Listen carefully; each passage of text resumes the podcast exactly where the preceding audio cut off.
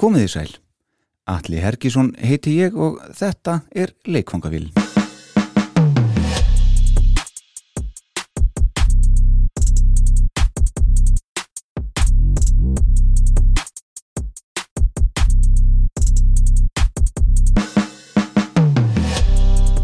Gestur þáttarins er fættur á Húsavík árið 1984 og er, má segja, tónlistamæður að Guðsnáð. Sem slíkur hefur hann náð fremur langt á sviði þungaróksins sem gítarleikari og einn af söngurum og lagahöfundum í sjálfri skálmöld.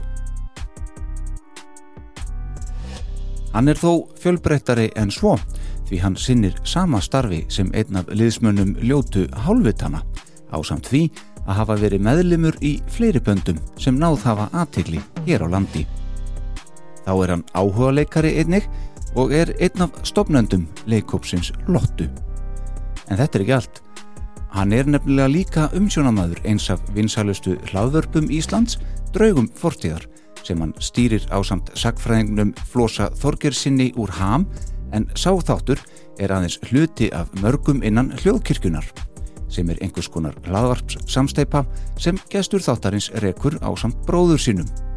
Áhugavert spjall við Baldur Ragnarsson í leikfangavílinni í dag og það er Böttvæsir Bútvar hinn tjekkneski sem býður upp á þáttinn.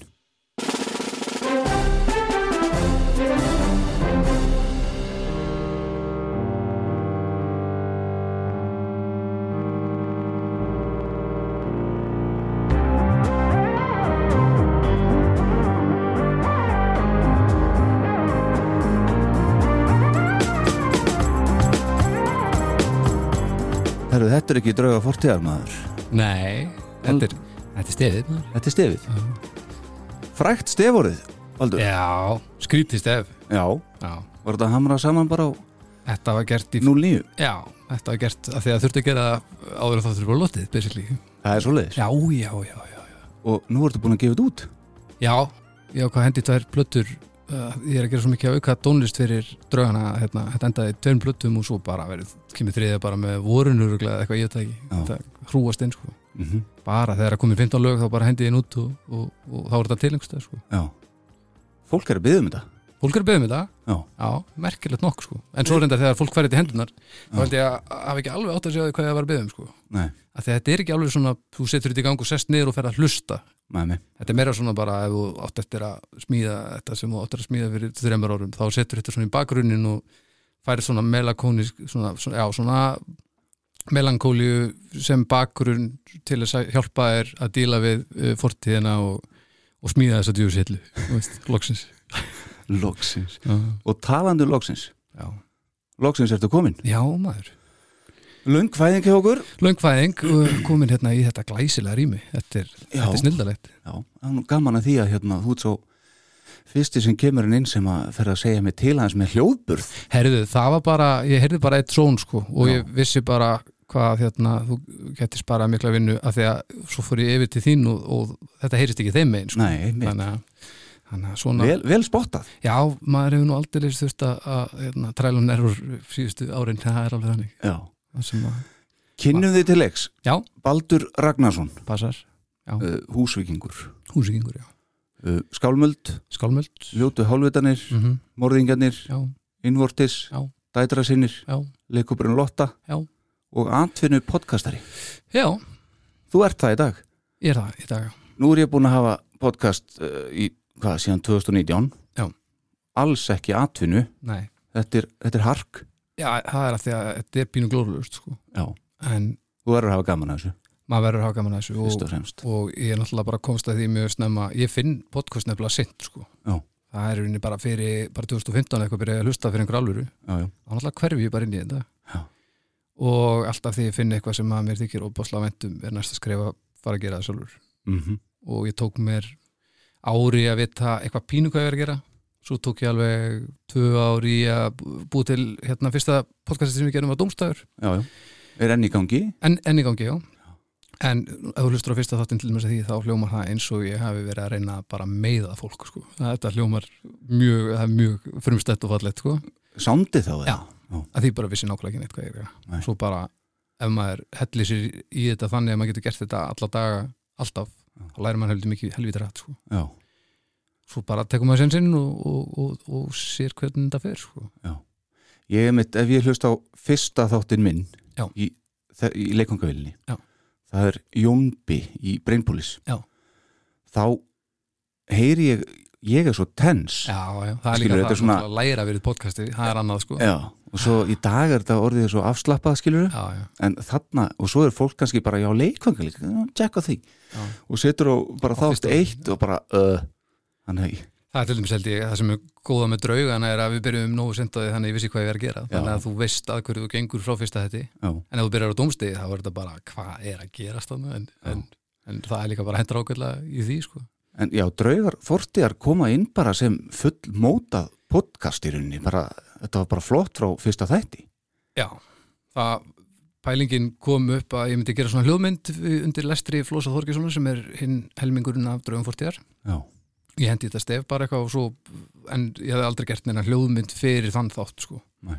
og svo bara þegar maður skuldbindur sér til þess að búið til hljóðmynd einu sinni viku þá verður maður hratt betri í því, bara eins og öll öðru og þá fer maður að hafa eins meiri tíma og þá fer ég að búið til tónlistuða og svo er það bara alltaf svona skrefinu og skrefinu lengra og, og ég prófaði að setja strengi núna síðast í fyrst skipti og maður er svona alltaf að bæta aðeins við sko. Já. á með samt að, að glata upprunalega fílingnum sko, af því að ef þetta er bara allt í einu sinfoni hljómsveit og, og movie skor þá líður sagan fyrir það sko. já.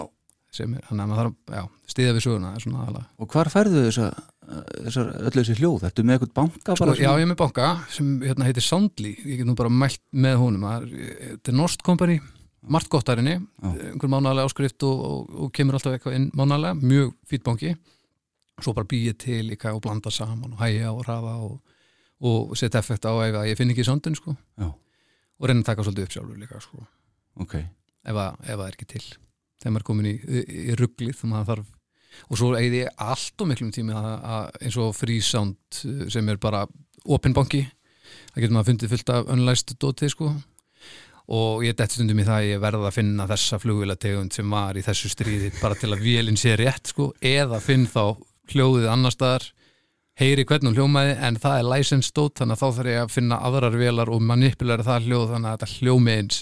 Já, þannig að ef að einstaklingurinn sem var í svona flugvel í setni hefsturildinni er að hlusta á þekkjarinn hljóðið þó, og ég veit hann er ekki að hlusta en ef, ef hann væri að hlusta þá myndi hann þekka það. Akkurat þannig að það, þetta er svona já, þetta er, þetta er skemmtilega nördir fyrir mig sko. Já, og, og ég veit þá, ekki að þetta gerir mjög mikið fyrir flosa sem er sakkur að einhver að Já, einmitt. vita að ég er að gera mitt besta til þess að hafa þetta rétt sko.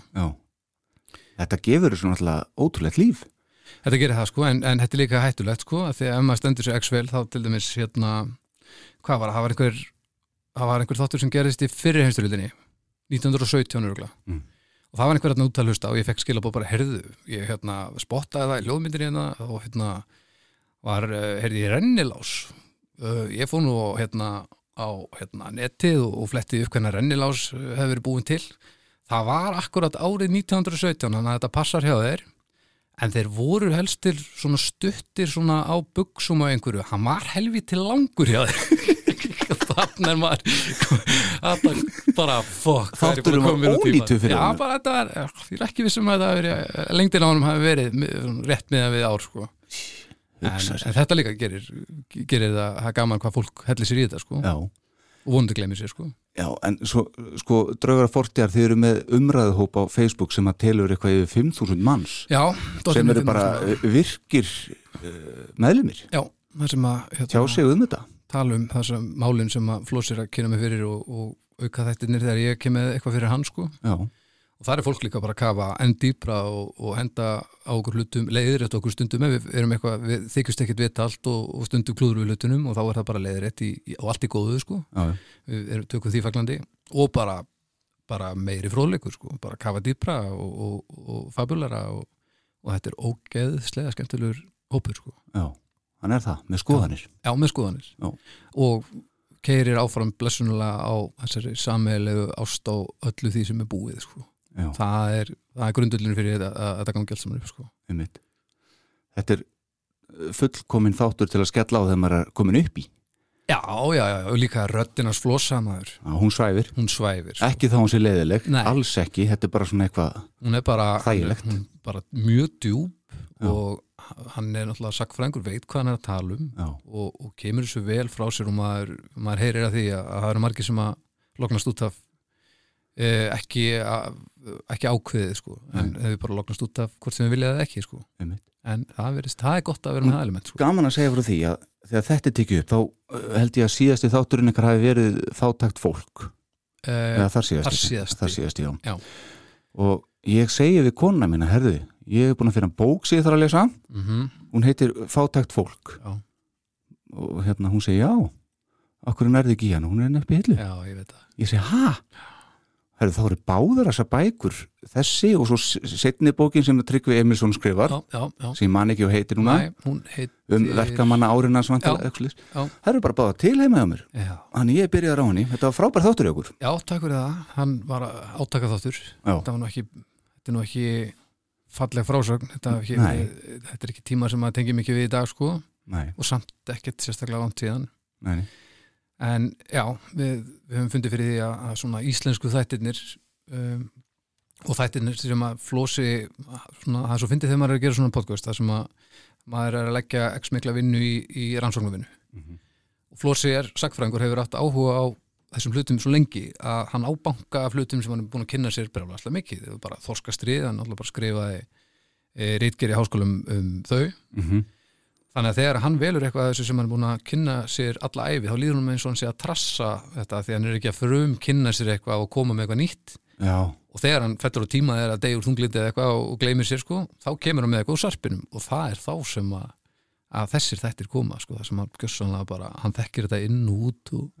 og að, að þetta kemur alltaf með beint frá hjartanu þegar hann er búin að, að, að bara kynna sér þetta í fleiri áratug í stundum sko. já, já. Og þetta er líka þannig sko, uh, klárum þessa bók hérna, uh, fátætt fólk Já.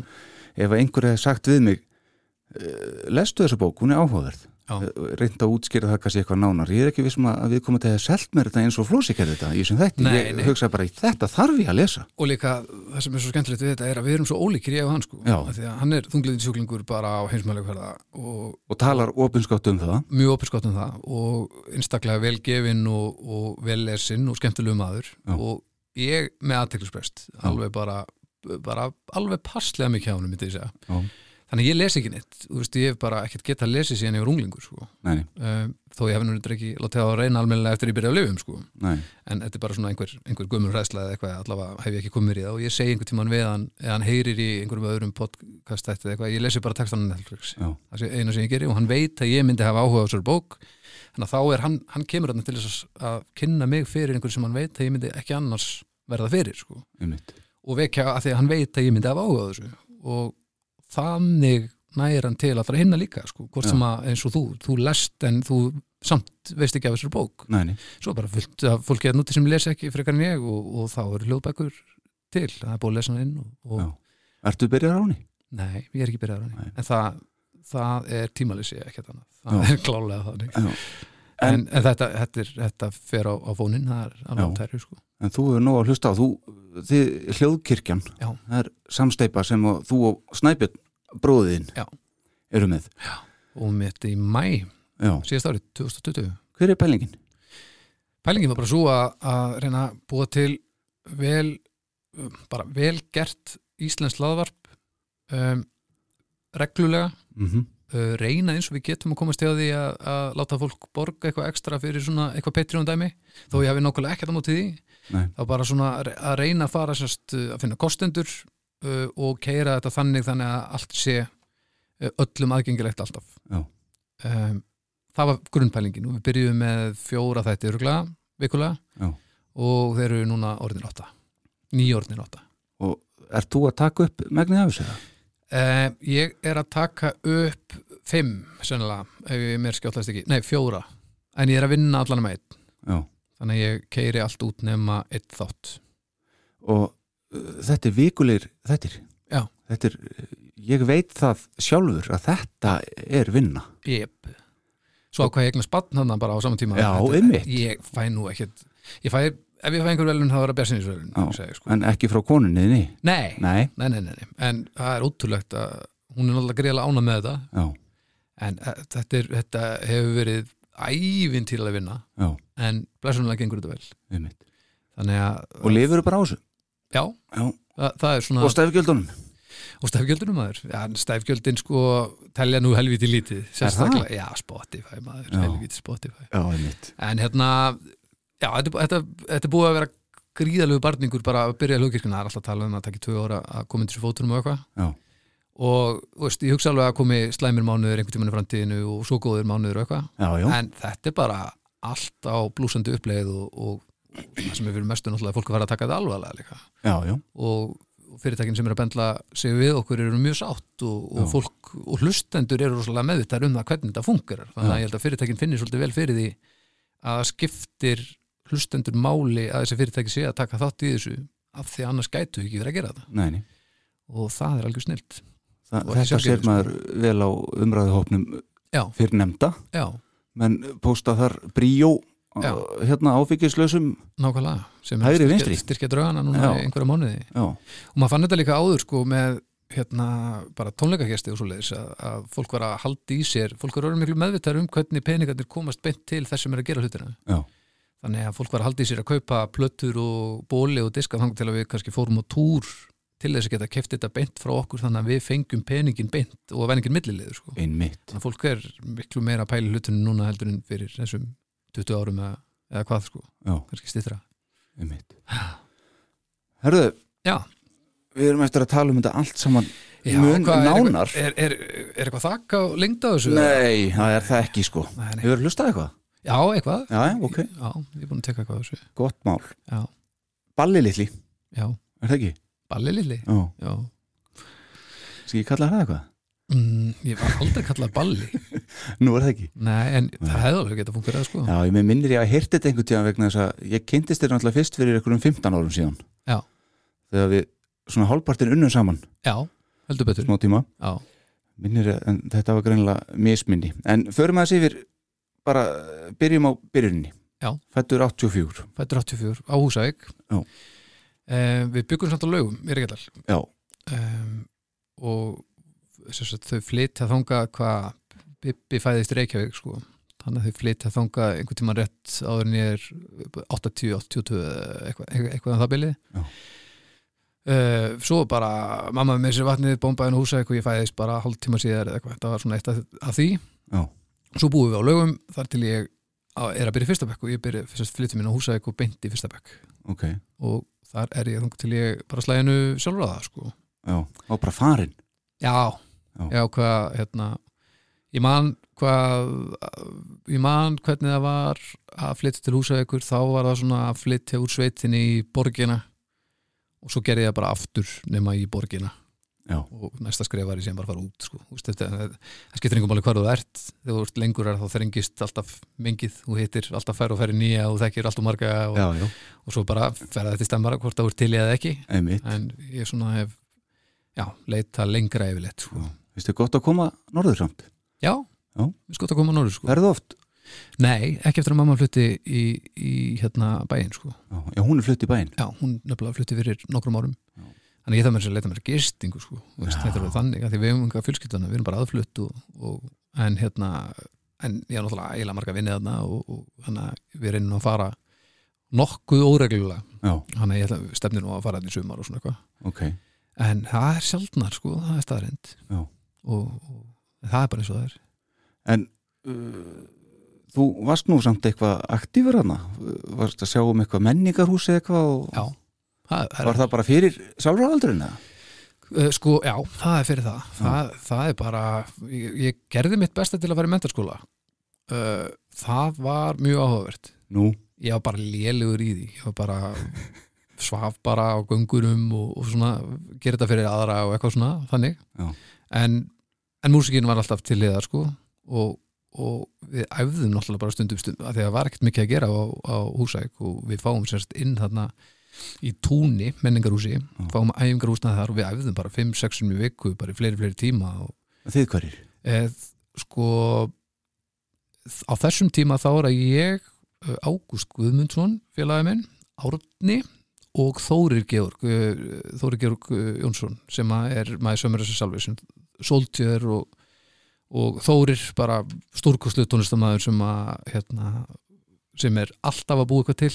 Já. ótrúlegur tónlistamæður mikið punk og, og mikið hardcore og indie og alls konar dót. Og það eru við fjórir sem eru þá í hardcore bandi sem heitir uh, uh, Everything Starts Here. Já, það er nú sennilega næst best spilandi band sem ég hef verið í á æfin held ég, já, bara eftir skálmöld. Þá voru við bara 16, 17, 18 æfðum æfintilega mikið og, Frumsam efni þá það? já, og sko Þórir Georg hann er ótrúlegu tónlistamæður og ég, ég veit það rosalega fáir sko. svona miða við, það er ákveðin hverja sem veit það um, og hann basically ásamt pappa og reyndar Pálmar bekkjafélagi minn, þeir kendu mér svona grunninn á gítagripum lungu áður sko. Svo fyrir við að, stopna böndi og Þórir saman og, og þessi strákar. Og þá kemur ljósa að Þórir Georg er alltaf bara langt á undan í tónlistandælum þroska sko og alltaf að grúski sko, veist, ég viss af slipnótt áður en fyrsta platan kom út ég var búin að heyra fyrsta singulinin með Mjús áður en Mjús var nokkuð bara því hann var alltaf í blöðunum bara að kynna sér allt Já, og svo hann svo ógeðslega þroskaður að koma að lagasmíðum að við fengum alltaf riff í hendurnar frá honum sem að ég myndi aldrei hika við að setja skámöldaplötu í dag sko. já, ok. og hann er bara, hann er bara unglingur sko. Er ekki tækifæri til þess? Jú, algjörlega, nema hann á Það en sko hann var með ólíkindum hvað hann var langt komin svona ungur sko. Og ég held að ég eigi honum langt mest að þakka að, hva, bara hvernig ég er tónlistalega sko.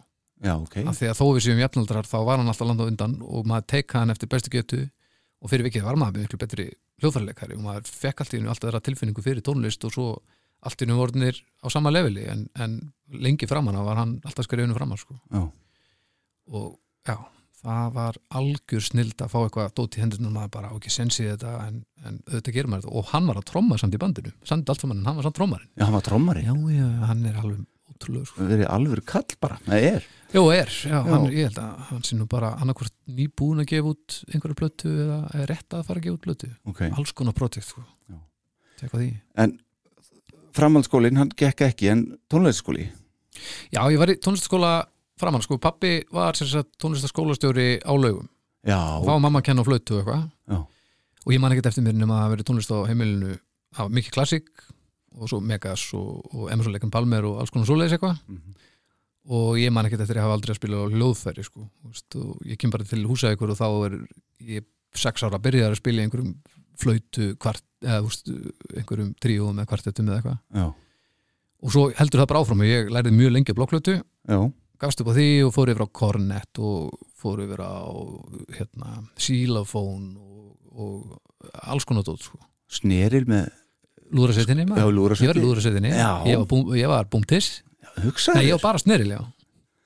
Já, já, það var bara og, og spilaði svo bassa í hardkorinu og, og spilaði í indie-bandi líka eh, þar á undan og, og já, bara og þessu sko. En hvenær byrjar svo að spila með snæpinni, bróðin? það er ekki í rauninni ekkert fyrir en bara við höfum bara hálfvitar, reynilega, nei það er fyrir já, Innvortis, hann fær mig inn í Innvortis Já, auðvitað, hann er þar. 2004-2005 Já, uh, Innvortis er sem sagt gamalt uh, húsist punkband sem að bróður minn stofnaði með vinnu sinum uh, sem uh, heita Billy Aggi sem er með okkur í ljóttálutunum aha, og Böbbi söngvar í skálmöld. Já, þeir fjórir eru sem sagt Innvortis frá 93-4 eitthvað. Já, og Flossi Þorgesson sem er með mér í draugunum hann endar á endanum eftir smá mannabrettingar er hann hérna bassalekarinn í, í Innvortis.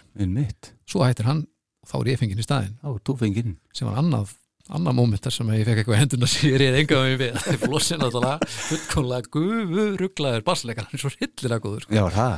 Já, Er hann, já, en er hann fyrst og fremst bassalegari? eða? já, Nú er hann gítarleikari í ham. já, hann er gítileikari ham. Hann er, hann er einn af þessum örfáu sem getur stokkið á milli án þess að hann til dæmis spilar stundum. Innvorti spilaði hann á bassa eins og gítarleikari spila á bassa Já, en það var val. Já, svo spilar hann stundum á bassa og þá er hann bassaleikari Þú veist, ég til dæmis spila alveg á bassa en ég spila yfirleitt eins og gítarleikari, þú veist, ger alltaf mikið og já, ég er ekki alveg með rétt að grúfi og allt saman já, en hann stekkur á milli ekkert mál sko. Það snýst ég- einmitt um að hafa grúfi sko og svo bara less is more oft á þú, sko. veist, þú ert ekki aðal þú veist, það Já, er málið þú bara, Fylgja þú- þú- trommaranum svolítið og- þetta þetta með trommarunum ef, ef þú ert með góðan trommalegar og góðan bassalegar þetta er bara klísjan, þá ertu bara í frábærumálum Já. um, og hann er alveg með það Já. en innvortist, þá er hann að gera fullt og ég þá tvítugur eða eitthvað hafði ekki spilað lengi á bassa, ég hef búin að vera meira á gítar og þurfti bara að gera svo vel og vera ekki umölugur og ég bara horfði á hann nokkur gikk bara hvað hann var að gera og svo gæti hann alltaf ekki gert þetta en ég gerði bara svona svipað en samt næri mér.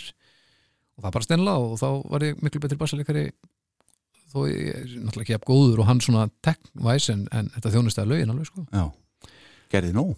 Já, já, já, og meiri nóg í rauninni sko. Já. svo þegar maður googlaði því hérna fyrir þetta þá uh, sá ég myndaðir átján ára. Já, uh, að skemmta ásamt Þóri Georg. Já, uh, hvað? skemmta vegfærundum uh, í sólinni fyrir utan einhverja verslun á Húsavík fyrir pening. Með töskun að opna fyrir framann einhver og fólk hendi pening nei, mannst eftir þessu? Nei. Þetta er bara auðvelt googla að sjá þetta. Hvað er að gera, veist, er, hvað er, er hljóðfæri eru með gítar bara og Já. kassagítar eða eitthvað? Ok, ég man eftir að við gerum einhvern tímann eitthvað svona stompdót eða eitthvað. Já ok, það var til dæmis eitt, ég man eftir í að þegar maður var að byrja að reyna að finna út einhverja takta og svona millislög, þú veist, það er ekkert sjálfgefið að, að fólk hafi tilfinningu fyrir hvað hægjat gerir í grúfi. Nei nei.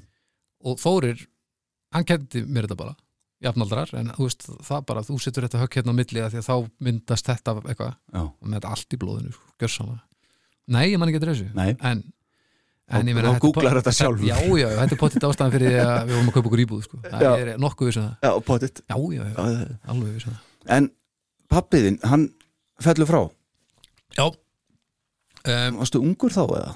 uh, sko, hann deyr ó, ég man aldrei, 2008 eða 2009 já ok, annarkvort um, þá er ég hvað orðin 24 að 5 Já. um, hann var búin að vera veikur í 10 ára alveg er, Já, svona hann lengi. fekk, já, hann fekk Parkinson drullu einhver á einhvern fremri heilatu að snemma sko. Já, og líður smá tími og hann byrja bara að vera svona pínu skrítinn og, og, og allt í hennu svona, já, undarlegt væp sko.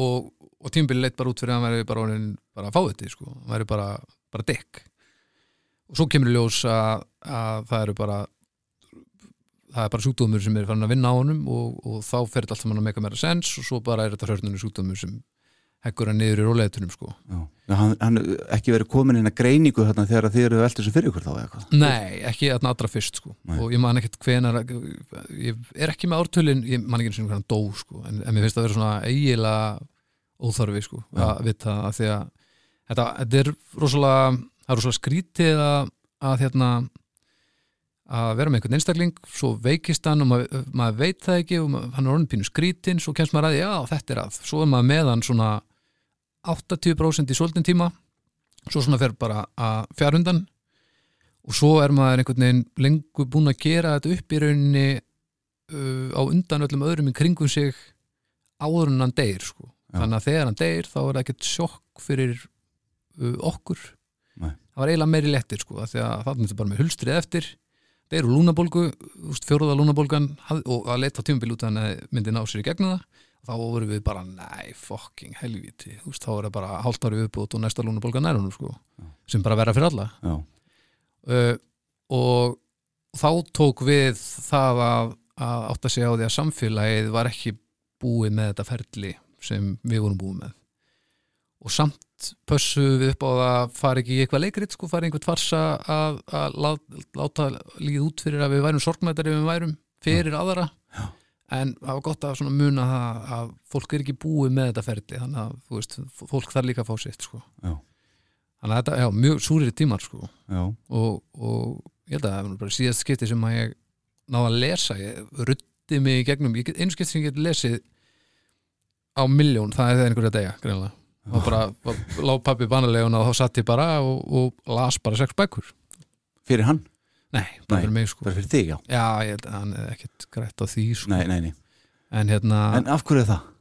bara þessi örfáu náður þar sem að- fókus? Já, bara örf, þessi örfáðu skipti þessum að það, veit að maður er ekki að fara að vera neins staðar annar staðar, það er ekki annars sem skipti máli og bara myndast hún einhver ró og það er eitthvað ógeðslega langt umulegt verðlega að taka enda sem út samt eiginlega búin að gera upp og þá bara kom bara svona einhver ró yfir mig og ég gætt bara lesi bók og bara verið hjá honum og bara bara ekkert mál Mhm. En svo bara um leið og, og, og lífið byrjar aftur þá er maður bara hann eru fimm fuglar og, og, og, og sundfötin eru blöð sko. þannig að, já, En þegar þú, þú talar um sjálfráða, bara Já. flyturu, Já. en, en þú fórst út eitthvað. Já, ég fór stutt út sko um, Fórst ekki fyrst alveg út án og fórst? Sko, við, byrjum, við fyrir út 2000, já, ég, ekki slæginu sjálfra ég lítið að fara 19 ára söður af því að ég flytt basically söður eftir að við förum til uh, Dammerkur, ég og Guðmundur Svafarsson sem er með mér hálfuturum Já. við tökum hérna síldarvertið í, í Dammerku í Skæn, Hvernig kom það til? hann hafði gert áður. Já, þetta var mjög fyndið, sko, 2003 ára ég er 19 ára og hann tut- seldi þér þetta hann bara. 29 ára, sko. Já, við erum að vinna saman í sláturhúsinu, við erum í, hérna, við erum í uh, töföldunarsalunum já, byrjum að vinna saman og þá kemur náttúrulega ljósa stórkostluðu maður og við náum gríðalega vel saman þrátt verið náttúrulega auðljósan aldursmun. Hann segir mér að það er farið að þetta var bara gefið sko. Bara auðvitað. Fullt af pening. Nei, og Nei, nei. bara fara til útlanda og, og bara vera ekki með neitt sérstaklega gott plan um að vinna einhverju síldaversmiðu einhver tíma og sjá bara til sko. Og af honum lærði ég svolítið og hef haldið í það hvernig ég ferðast sko. Af því að ég var náttúrulega það ungur að ég var að fara þann út og ég geri eins og fólk gerir svolítið að, að þegar fólk fer að ferðast saman þá heldur á hópinu og svo mikið og bara á einhverju tímútið þá var hann alveg brjálar á mér að ég náttúrulega hengdi mig bara svolítið á hann að ég held bara að þannig væri ferðalög. Já. og þá sagði hann bara svona eitthvað Baldur þú veist alveg að þó við búum saman og séum þetta þá getur þú alveg farið eitthvað annað en ég. Og ég bara fatt, og ég var ekki eins og búin að pæla í bara, wow, við erum ekkert í ferðalega við búum hérna.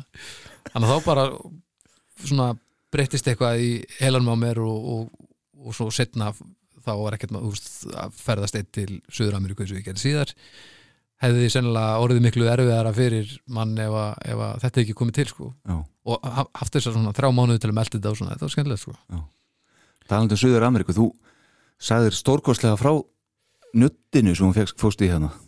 Já, það var í Asju, Það, var í það var í Asíu. Suðustur Asju, það var í Kambodíu Já, Já, stórkostlega frásögn. já, Var það ekki í draugunum bara? Það var í draugunum, jú. Ég skrifa nú bara Facebook status samdægus eftir þetta því ég var svo hissa held ég og svo notaði hann í draugunum bara. Já.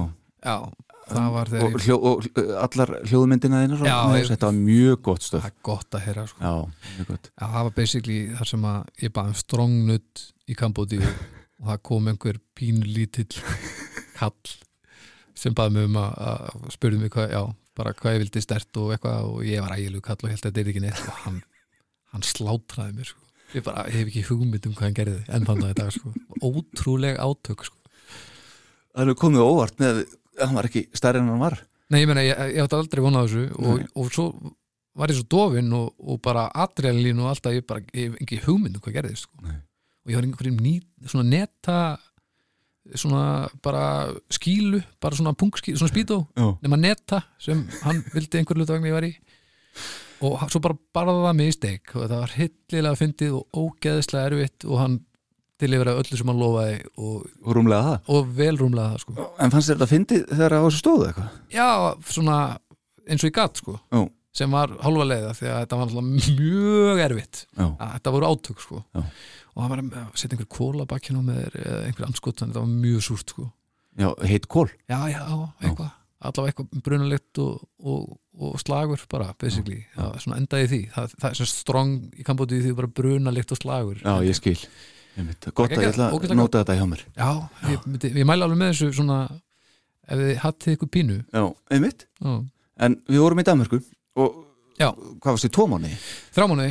tókum þryggja mánuða Var þetta búið þá eða?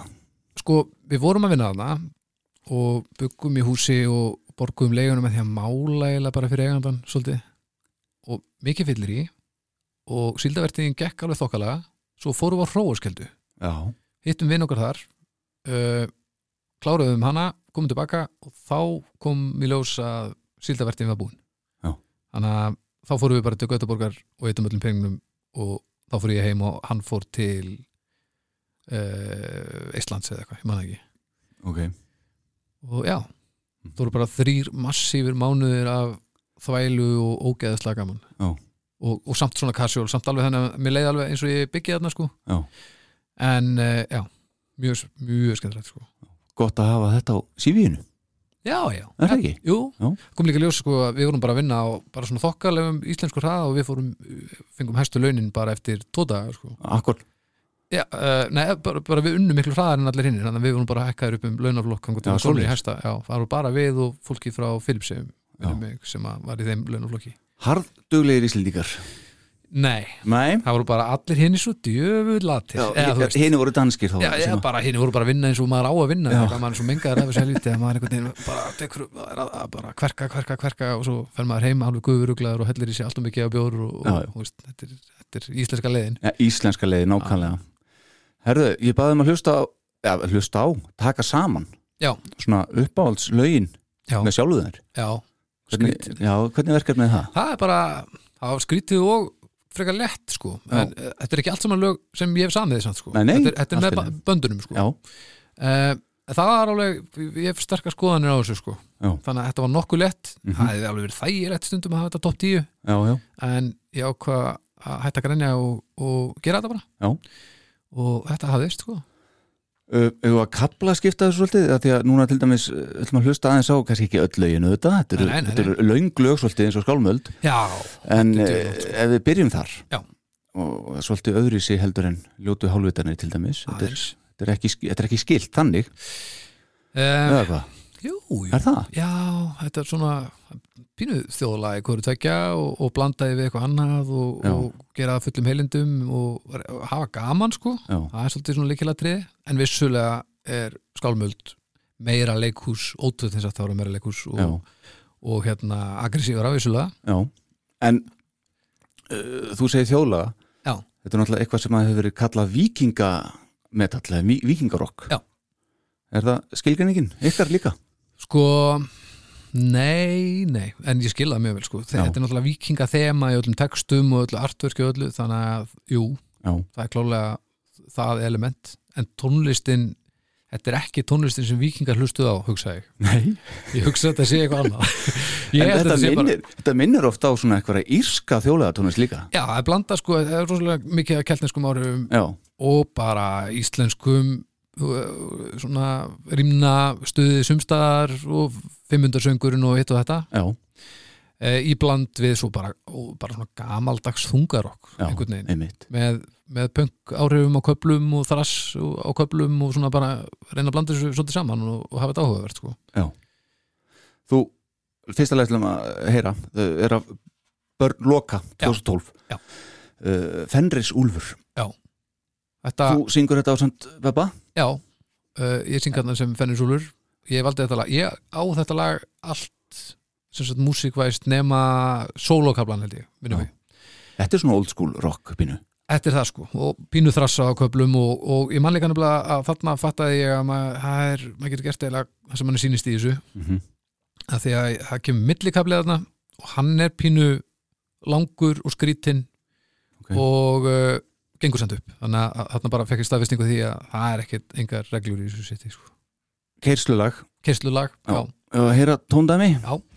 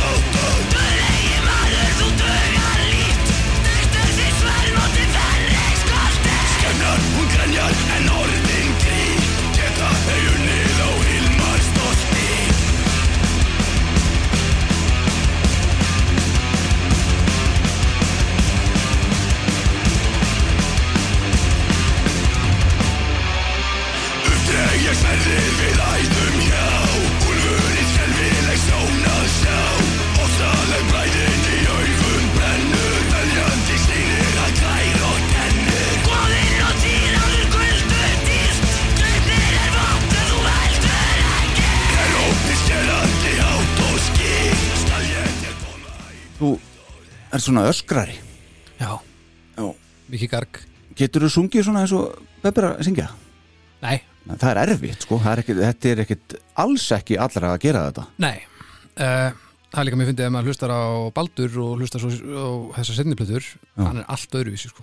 Að hann öskrar alltaf innvortiskalda já, það er bara pönköskur sko. Já. og hann er svolítið þannig á Baldri.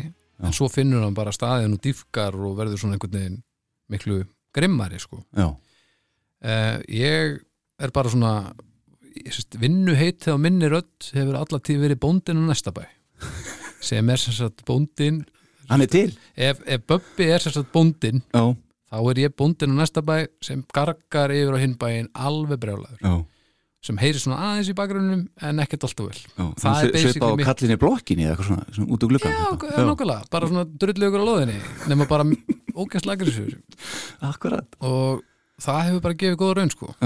Um, en hins vegar þá var það alveg þannig að fyrstu árin þá átti ég til að þetta, þetta var djúðlerfitt sko. Já. fyrstu túrarnir svona átti ég til að þagna og þurfti að leita tækninni svolítið. Já, og svo dró maður úr þessu þang til maður fann hvar maður hætti að, að þagna Já. og fann leiðir til þess að, að búa til grunninn hljóðinu rétt og svo verði ég að gera þetta pínu vittlust til þetta ripni rétt sko. Já. Og þá er það bara meðferðin á, á manni þess á milli hvort maður endist eða ekki sko. Heldur röddin alveg heilan túr? Já, já, er, gig þrjú og fjögur er lett mjög erfið núna. Já. en eftir það þá get ég bara haldið af mánuðum skiptir sko. ef ég reyni annarkvort þetta eða það sem Bebbe gerir þá fæ ég bara hóstakast. Já, það er ekkert skrítið. Nei. af því að þetta er ónáttúrulegt með öllu, Já. þetta er ótrúlega skrítin hegðun bara svo að það sé sagt upp átt þetta Já. er ekki það sem að manns barkin er ætlaður í, nei, nei, en það er hægt að venjast ótrúlega slæmum hlutum ef viljinir fyrir hendi fyrir stuða. Þannig að við bara fórum í það og Böbbi náttúrulega bara getur öskrað, öskrað, öskrað, öskrað. Já. hann öskrar töluvert lægir en ég sko. Ég, ég öskra mjög, mjög hátt og það er eina leiðin til þess að það sondi rétt einmitt. En svo eins og þessi black metal gauðra sem eru bara eitthvað eitthvað svona, já, já, það er gott að blessa mhm, og virkar, en til þess að þetta sondi rétt hjá mér þá þarf ég að- setja allt í þetta og þetta er að langar verst sem ég geri í heiminum sko. alveg lang, sko. já, ég skal trúa því. En En- gaman líka. En þetta lag, þú talar um að svona pínu trashmetal í þessu. Já. Hvað, í anda hvers, hvað, hvað varst að hlusta á, í hvað varst að sækja hann? sko maður er svolítið bara í slegirflokknum, þetta er nú þetta er ekkert brálaslega líkt því, en svo er þetta bara og punk-elementi er alltaf stutt að segja punkið sko. Já, Eh, þar sem að ameríska punkrockið hefur einhvern veginn alltaf staðið mann nærri og, og, og Dead Kennedys og það allt saman Já. og þó þetta sé ekki nákvæmlega í þeim stíl það er svona sama, það er svona að reyna að hafa þetta nógu djúvill drífandi sko. og, og það var bara pælingin, búið Já. til eitthvað hratt búið svona láta okkur aðeins vinna fyrir, vin, svona, vinna fyrir þessu Já. En svo kemur millikafli þar sem að er og að fáa nótur og svona skrýtnar nóta, nóturskiptingar sem er ekkert sérstaklega þrassað, bara alls ekki slegir hefur aldrei uh, sett þetta á sko. Nei, Nei. en sástu slegir hérna? Já. Já, Já, þeir, fengu, þeir fengu ekki borgað nei, ekki að það Nei, Hvernig Eh. fannst þér, þér tónleikar? Það var alltaf leiði sko Já. Sko ég, ég veit ekki alveg hvað ég sá slegir oft en eins og svo oft áður þá var fyrsta best Já, Ég sá það örugglega 2003 í Rotterdam innanhús já, uh, þá, það er orðið allt annað sko. Já, þá voru Slipknot undan þeim einu, færi og Mastodon þá frekar nýtt band að, byrja. Já, ok, og það gig var ævintýralegt djöfull voru þeir hryllilega góður hvað var það? Stórt venjú? ég, það var ekkert brálega stort það hafi verið nokkur þúsund. Ekki pínulítið en, en, en ekkert eitthvað einhverju tíu þúsundar sko. Nei, nei. um, svo Þetta það skiptir bara oft miklu máli sko. Skiptir bara öllu máli. Eins og ég, nú mikill kiss aðdáðandi eins og kannski sér hérna á já, já, það er svona, maður þarf ekki verið neitt Sherlock til Nei, að- akkurat, örlar á því. Já, já. En sko, bestu tónleikar sem ég sko, sé þá, það var bara í fórum í Kaupmannhöfn, bara tíus manna inni, já, Vist, ekki, svo ég sé þá stadium úti, ég sá að hitti fyrir að já, hvar? einmitt, ég maður ekki. Nei, úti, vakkan, voru þeir á vakkan eða voru úti já, úti. Já, man ekki, við vorum að, spila á sama festivali það var drullu fínt, ég held að söngurinn væri á playbacki sko. Já, nei, nei, nei, það var ekki. Þeir voru bara að vinna vinnunum sinna sko. Hittur það? Nei. Jöfull, já, Já. já, ég ég samt hefði ekki þurft að ef þráseði þetta þá hefði allt verið gott en já, hann er mér náttúrulega mikill kiss aðdáðandi líka maður. hann er fárveikur eins og þú. Já, er- þetta er einmitt, maður er veikur. já, þetta eru veikindi sko En þetta snýst um þig, Baldur já, já, já, já, já. uh, Næsta lag heitir Nip Heimur Herri, já, þetta er Og þú tókst fram að þetta er að vera uh, nýjustu liveplötunni Já, það er af því að sérst, þetta er annar lag sem að ég á Já. og það kemur fyrir sjaldan, nokkuð sjaldan að lög sem ég sem að ég legg þau fyrir hópin og þau standa eins og þau komu Já. það gerist ekki oft Nei. af því að blessunlega er ég í þannig mönnuðum hljómsettum að menn hafa skoðanir þegar það þarf að hafa skoðanir og maður er fann að treysta því. Og ofta tíðum er bara hægt að gera lögum mín betri og það er, það er gullið við að, vera með fólki í böndum sem maður treystir. Já. en þetta lag stóð. Og við spilum á 70.000 Tons of Metal sem er hérna, skemmtverðskip sem siglir frá Fort Lauderdale og við sildum til Jamaica. Og við spilum sagt eitt gig á leiðin til Jamaica og eitt gig á leiðin tilbaka. Upp á, upp á dekkinu það bara eitthvað Já, við vorum í einhverjum sölum þarna. Okay, vorum, Já, ok. Já, en við upp á dekki þar sá ég hérna hérna, uh, hvað heit það eftir hérna uh, uh, hvað heit það eftir Já, nú veit ég ekki. Nei, býtu, þetta kemur allavega, ég sá band hérna, sem að var með spilaði lag og lokakablin endaði aldrei. Þeir hengu bara í sama kablinu bara endalust, bara endalust í sama grúfinu og horfðu bara á liðið og bara treystu þetta er í lagi. Og ég bara, bara eitt af besta sem ég séð. Og ég bara, fokk, nú bara fer ég og sem svo lag og ég held ég hefi samið um borð, reynlega bara beint, Í þessari ferð? Já. Ok. Og þetta lag er líka það eitt af því skemmtilega, svona eitt af betri lögunum sem mér finnst eh, við þegar við erum að spila live af því að það sem er svo skemmtilegt í skálmöld er að við erum búin að spila svo lengi og mikið saman og túrum við út búin að spila kannski í 28 daga þá er dýnamikinu svo mikil að allir að hlusta á alla. Og þetta lag, ef þú hlustar á þetta lag af plötunni sem þetta er á sem er sennilega Vögguvísur. Yggdrasils þá er það miklu hraðar heldur en þarna. Já, og það heldur hraðanum alveg í gegn en í þessu lagi þegar þrásir að klára sóló þá er allt komið á miljón og svo bara sökvu við allir í einu bara niður í ok. Allt annað tempo. Já. og það, á þessu momentum live þá finn ég fyrir því bara að við erum búin að vinna vinnun okkar. Við erum góð hljómsveit live það er bara þannig. Já. og það gefur mér djöðum mikið. Ok Og talandu þrása Þá hann er með svona hetju gítarsólu hana í þessu Eða er það þú? Nei, alls ekki. Nei. Engin, Tekur, nei, þú tekur engin sólu með skálmöndi Nei, ég hef tekið eitt meira að segja- það lagar á eftir en það væri nú, nú helviti röstnælegt að kalla það sóló það er meira svona stef en jú, jú, kannski pínusóló en, en þrási er íþróttumadurinn sko. Já, hann er mitt mjög ég er góður. ein ekkert að hann er bara á heimsmæli hverða og ég hef engan annars vegar held ég hreinlega geta það ekki. Já, og hins vegar hef ég ekkert rosalega mikið náhuga á því ég vil frekar vera aðeins góður og margt en frábæri einu. Já. Og þú komst inn á þessar rattir hérna hjá okkur Það er svolítið um það hérna í þessu leiði Já, svolítið, Já. Uh, Þetta er tekið upp í, live í, í Reykjavík. Hitti vera síðustu basically þar síðustu skálmáttatónleikar sem ég spilaði. Já, hugsaði Ég veit það. Þetta er, er þetta aftur? þetta er gamla bíói. Gamla bíó, já. Tókum þrenna tónleika með vinnum okkar í Finntról og, og Blóðmör. Mm og tókum það upp og að gefa út á DFD og eitthvað. Já. Heyrum þetta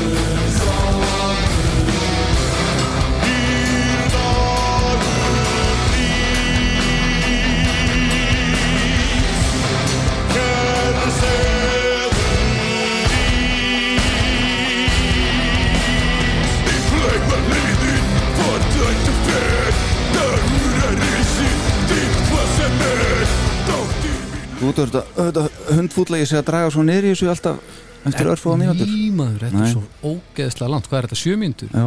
Já, já, nei, nei, við skulum frekar að lækka í þessu og fólk halda áfram að hlusta heldur en Þetta er á Spotify. Já, fólk verður bara á Spotify og mér sýnist svona að ég var enni yfir þetta núna það er svona almennt þema fjögur og fimm lögum þá er ég svona að tala um mómenti í lögunum sem eru það aftarlega að við munum ekki heyra þau hér þannig að þið fara bara að tekja þessu. Ég var einmitt að hugsa á það nefnilega þess vegna sagði ég þetta líka. Já, að kom- um Það endakafla kom hérna hægi milligablin Fennisúl við því tekja Já, honum bara. já, og svo já. er hérna sólóð, það kemur á eftir tvær mínútur því tekja bara. Já, höldum spennunni aðeins. En herru, klárum hérna Rotting Crest heitir bandið. Akkurat, þú myndi það á Ég meðan. myndi það, já, ég myndi það uh, á meðan við vorum að hlusta á þetta. Þá er það frá. Já. Einmitt. Uh, Skálmöld Já. Þið urðuð vinsælir og þekktir óvart ekki satt Er það ekki pínuð þannig eða? uh, Jú og nei Sko, Var planið bara að Planið vera var- vinsælir? Nei, nei, það var ekki planið Nei. Planið var að, að búið til eina blötu hafa ógeðslega gaman að því að að menn vildu hafa gert þungaróksblötu á þenni bara drapist úr elli, Mhm. við erum þá gamlir sko. Já. þannig að það var upp að þessu og Bibi sendi bara e-mail á þá sem að hann vissi að gætu verið í svona bandi og upprunalega átti ég að vera flautur og mandolinu eitthvað. Já, ok. Til demo, þannig það var ekki góð hugmynd, þannig að við slöfum því þannig að það voru bara þrjú gítar, það var miklu betra. Hvernig verður það gefið út í einhverju svona bónustrakka eitthvað? bara á endanum sko. Er það ekki? það er, það er tilfinnilega verra. Það, það er ástæðan fyrir við beiluðum því en Einmitt. mjög fyndið um, en svo gerum við baldur, erum ánæði með hana og hann snæpið bróður minn. Uh, það er ímislegt að það segja um hann uh, hann er fylgin sér til dæmis, það er eitt af því. Já. og hann náttúrulega bara, þegar hann hefur trúið sem hann er að gera, sem er langoftast þá bara lappar hann með þetta inn á alla fjölmiðla og bara lætur fólk hafa blötun og segir bara, tekka þessu, ég held sé helviti gott hjá okkur og svo byrjar eitthvað sem að var ekkert hægt að sjá fyrir að, að því að hópurum er svo stór. Það eru krakkar og gamalt fólk að, gamalt eldra fólk að sumir að tengja textana að því að þetta er líka brakfæra rétt sko og bara hérna við sem að nota þessa íslensku sögu og blandinni inn í eitthvað nýtt þannig að það var svona gateway og svo er þetta náttúrulega aðgengilegt þungarokk þetta er ekki, þetta er ekki öfga þungarokk og ómelodist heldur þetta er mjög melodist, þetta er mjög aðgengilegt fyrir hlustandar sko. Já. og allt í hennu var hópurinn orðin miklu miklu stærri heldur en við regnum með að, að, að hann yrði nokkur tíman sko.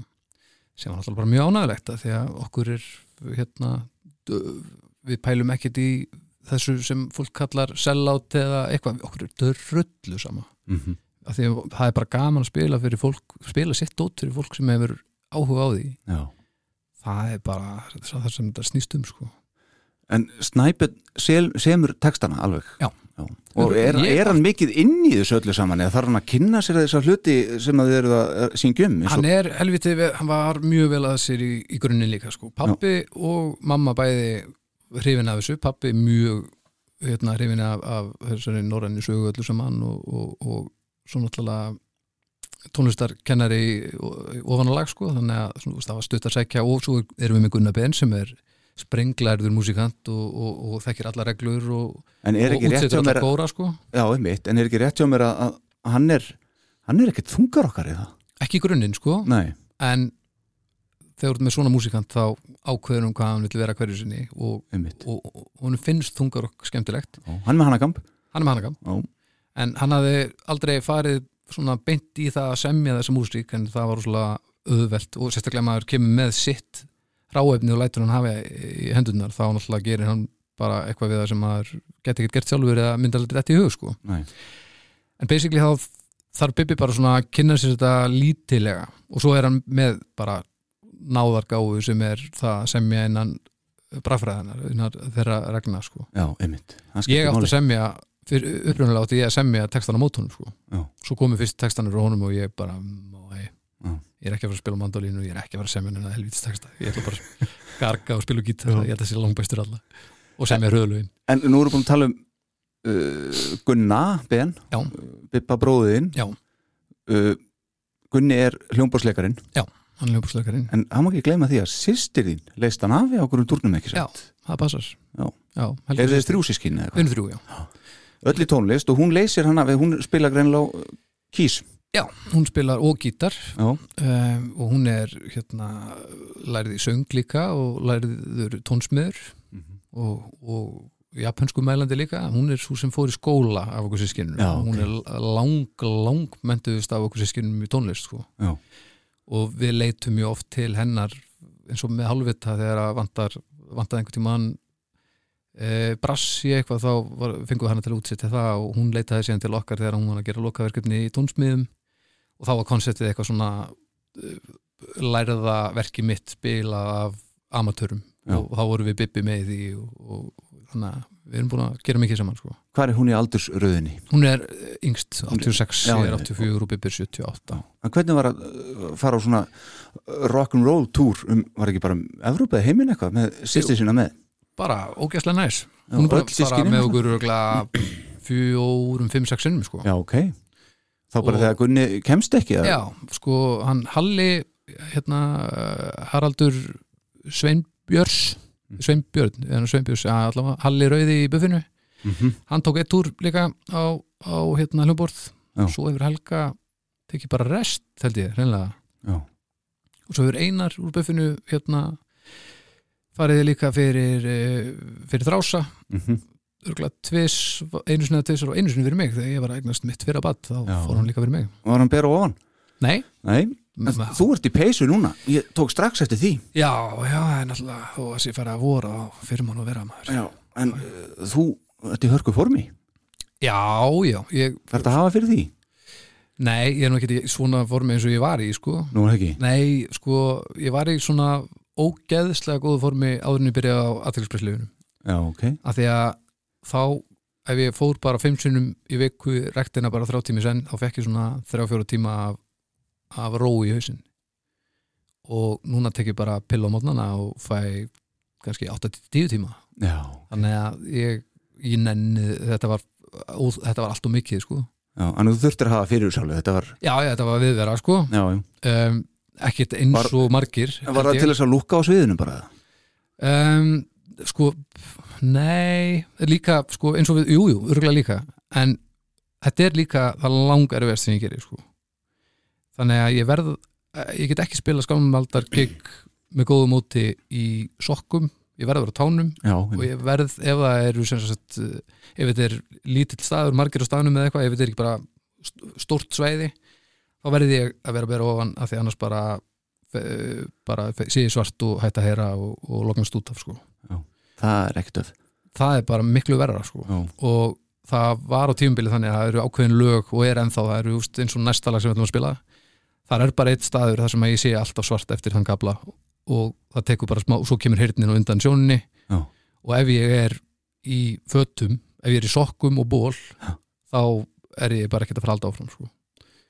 það er bara svo leiðis það er bara svo leys, því meður sem er náttúrulega hljómaninn svo þessi glólust en En þetta er ekki sína- allt lúkið bara ekki bara, nei, nei, Nei, nei auðvitað verður maður að lúka en, en, en hérna, ég hugsa að ég sé nú ekki að fara í ból þó ég fái tunnu sko. Þetta snýst ekkit um það sko. Nei, nei, þetta er allt í góð að vetri? Að vetri. Af hverju þetta lag? þetta er nú bara eitt af mínum uppáðslögum með okkur. Ég á ekkert í þessu lagi. Nei. um, ég ætla að Bibbi megnaði svo kemur millikablið sem að þrási samti sem er tap. Ok, þrási fær mikið út úr því verðandi miklu betri gítarleikar en ég. Að koma með einhvern kabla og segja, herru Baldur það þarf að halda þetta. Og ég gat það alls ekki. Og svo er ég búin að svona, næstu því ná að, að læra að tappa þetta röddun á hann. Já. og þá segir Bibi, já svo öskar þú allan hann kabla og þetta er sem sagt það er lang, lang, lang, lang, langar við sem ég bara lært á æfinu held ég Já. fyrir utan þörgrip og, og ég og þarna sem sagt klárast allt súrefni ég er að einbetta mér að þessu. Og þegar loka öskrið kemur þá hverfur heimurinn í 5 til 20 sekundur já, það er svo leiðis það er þannig, það fyrir bara eftir í hvað hva, hérna, hvernig, hver svona aðstæðan er En- hverju sinni. Fyrir utan þvergrip Hvað- Þergrip er að langarfiðasta sem er hægt að læra í heiminum, held ég. Eh, Sko, ertu þá ekki að meina þá það er ekkert mál kannski að læra það en að fara í þörgrip upp úr engu, það er kannski það erfiðast að þetta ekki? Sko, það er bara, nei, fyrir mér var það bara að ná þvergripinu hreinu. Já, ok, en sko, aðtækningsbresturinn, Já. það kekkaði hann inn og ég bara lokaði heiminn í viku og bara lærði það og það var að komið, já, já, en þessi vika ég hef aldrei verið eins fokking brjálaður sko. nei, sko því. Og algjört skadraði þvergrip þannig að bara hvert einn skipti sem ég sé einhver taka þvergrip þá bara veit ég að þetta er einhver sem er búin að fara í gegnum það ég. Og bara tek hattin ofan fyrir því fólki. Að vetri, heyrum það. Já.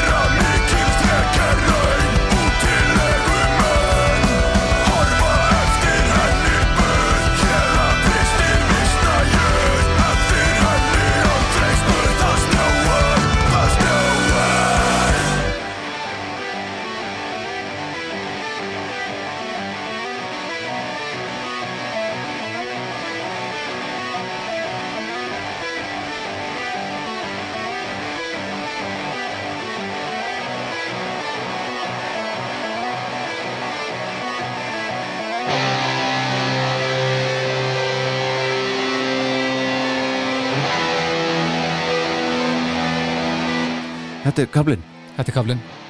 Við náðum því. Já, við, ná- við komumst þangað sko. Já, og sko ef við tölum núna, þetta er svona undir. Ok. Núna er trómutna byrjaðar. Já, já, allt að gerast. Og eftir sérst, uh, þegar þetta fer einu sinni gegn svona þá byrjar gargið. Þá byrjar vandamálum þá byrjar nefnilega púslið í haustnum sko. ef ef að heyra það? Heyrðu það ekki ef við hækkum núna? Jú, við erum það, það er svona helmi, jú, hækkaðu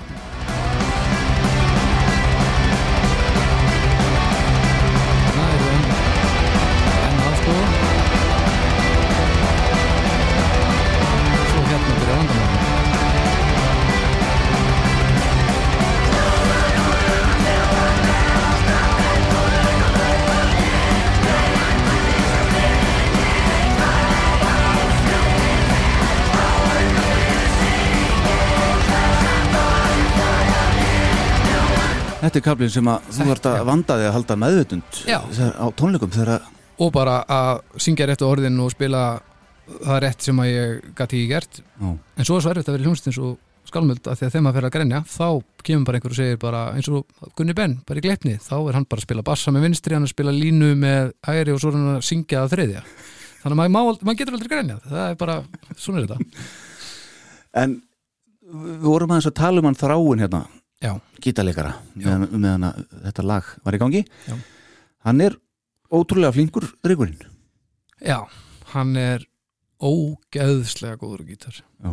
hann er mjög old school gítarleikari náttúrulega bara búin að stúdera hetjurnar sínar og endanum, á endanum er hann bara ja, góður og þeir Þú veist, ég hugsa ef að einn, hvaða gítarleikari sem er í meitin ef hann myndi slasast þá geti þrá sér farið upp á svið og bara tekið hans part sko. Mm og það er með ólíkindum að vera búin að fara svona marga túra út um allt með hinum og þessum böndum og, og við erum ekki ennþá lendið að túra með einhverjum sem er betri gítarheldur en þrá sig hann er alltaf besti gítarleikarinn á túrunum Já, hann er ævintýralegu gítarleikar sko. já, og það er mjög gaman að, spila með, með þannig manni sko. En svo er Jón á trómunum, Já. hann er alltaf ótrúlega það er annar á heimsmæli hverða við erum helviti vel mannaði Þið eru það nefnilega við erum með þrjá heimsmæli hverða spila við sko. Já. það er þráinn, það er Gunni og, og Jungir Jungir er ævintýralega góðu trómari Já. og svo gaman að spila með honum að því að hann, við erum ekki á klikktrekki og er ekkert playback eða neitt svo leið sko Nei. þannig að það þýðir bara ef að Jón á slæman dag þá spilum við allt bara tölvert einmitt. það má samt ekki vera ömulegt og stundum er hann alveg slagur og þá verðum við að negla hvert einasta slaga því að annars verður þetta ömulegt Já. þannig að þetta er ekki þetta er ekki Day sko, er ekki endurtegning dag eftir dag eftir dag, þetta er alltaf nýjar aðstæður, alltaf að díla við og Jón svona stríða manni með því að byrja þetta breyk miklu fyrir en venjulega og þá þarf maður bara að telja áfram í haustum að því að ég veit að hann kemur inn á einum og ef ég týni einum þá er það ég sem er vandamálið og alls konar svona sko. og um, já, En svo mittist hann og, og he, hérna, Kristján já, Heiðarsson kom, breytari Já, kom breytari kom inn í staðin, hvernig var það? það var ógeðslega gaman. Það er nú annar góðu trómuleikari maður. Já, hann kann þetta. Já, hann er allt öðruvísi trómuleikari Já. hann er hann svona, hvað ég segja, hann er miklu mekanískari, þú veist, þegar, þegar allt á miljón og allt þarf að vera gerin eld pottet sko mm þá er hann ótrúlegur og blastbítinn og engin sensi hann sem ég hef spilað með sko, Það bara, ég hef aldrei heyrt blastbít svona yfirgengilega þett og brjálæðisleg. Og Jón er svona meira Jón getur spilað hvaða stíl sem er og það svona blandast svolítið saman. Þannig að hann er kannski eins hefðbundin þungar og strómari en breytt hann er alveg brjálæðislega góður sko. Já, hann er það nefnilega. Já, og bara og, og að gera fullt að dóti, veturplötunar frábæri Já, já. Já. Ég sá einmitt skálmöld uh, nýri miðbæ Reykjavíkur þegar, þegar Kristján Já, var hérna akkurat. Mjög fínt. Já, Herðu, uh, næst síðasta skálmandarlægið já, höndin sem veggina klórar. Já. Þetta, þetta var á síðustu plötu sem aukalag. Þetta er sem sagt, eh, við vorum ekki búin að taka upp neitt nýtt efni í langan tíma. Mm kom upp svo hugmynd að taka upp eitt lag og þá átti ég eitt til og það, einmitt, þetta er eitt af þessum fálum sem stendur, ná, stand, þetta stendur bara eins og ég kom með þetta. Ok, og þarna förum við inn í hérna, hljóðverk til Einars og tökum þetta lag upp allt á 13 klukkutím ok. Og þá var ekki búið að og, svo, og ég og Gunni útsettum kórin saman og eitthvað svona þannig að við vorum svolítið að vinga þetta líka. Já, og það, það, þú ert að meina þannig að þið eru að kyrja svolítið já, Já. og sem komst inn á hann, svona hvað kallar það? Svona, sko það er stundum 500 söngur þannig er það eins og þannig erum við með bara þrýrætta kór og svo svörum við Gunni í endan Já. um, og ég er bara ógeðslega ánægð með að hvernig þetta lag kom heim og saman. Og þetta er eitt af mínum uppáðslögum með skálmöld og ég er mjög fegin bara gladur hvað fóru vel að mér þykir mjög vendum þetta lag. Þetta er sjö mínútur. Þetta er 7 mínútur Já, já, 6.40 Já, Já, 7 mínútur, já. Heyrum tóndæmi. Nei, hérna byrju við. Hérna er þetta Aha. Þetta er lengi að byrja, sko. Vittu sleði á mér. Já, já, það er samt lengi að byrja, það mistir ekki miklu sko. Nei, missi ekki miklu. Hlustum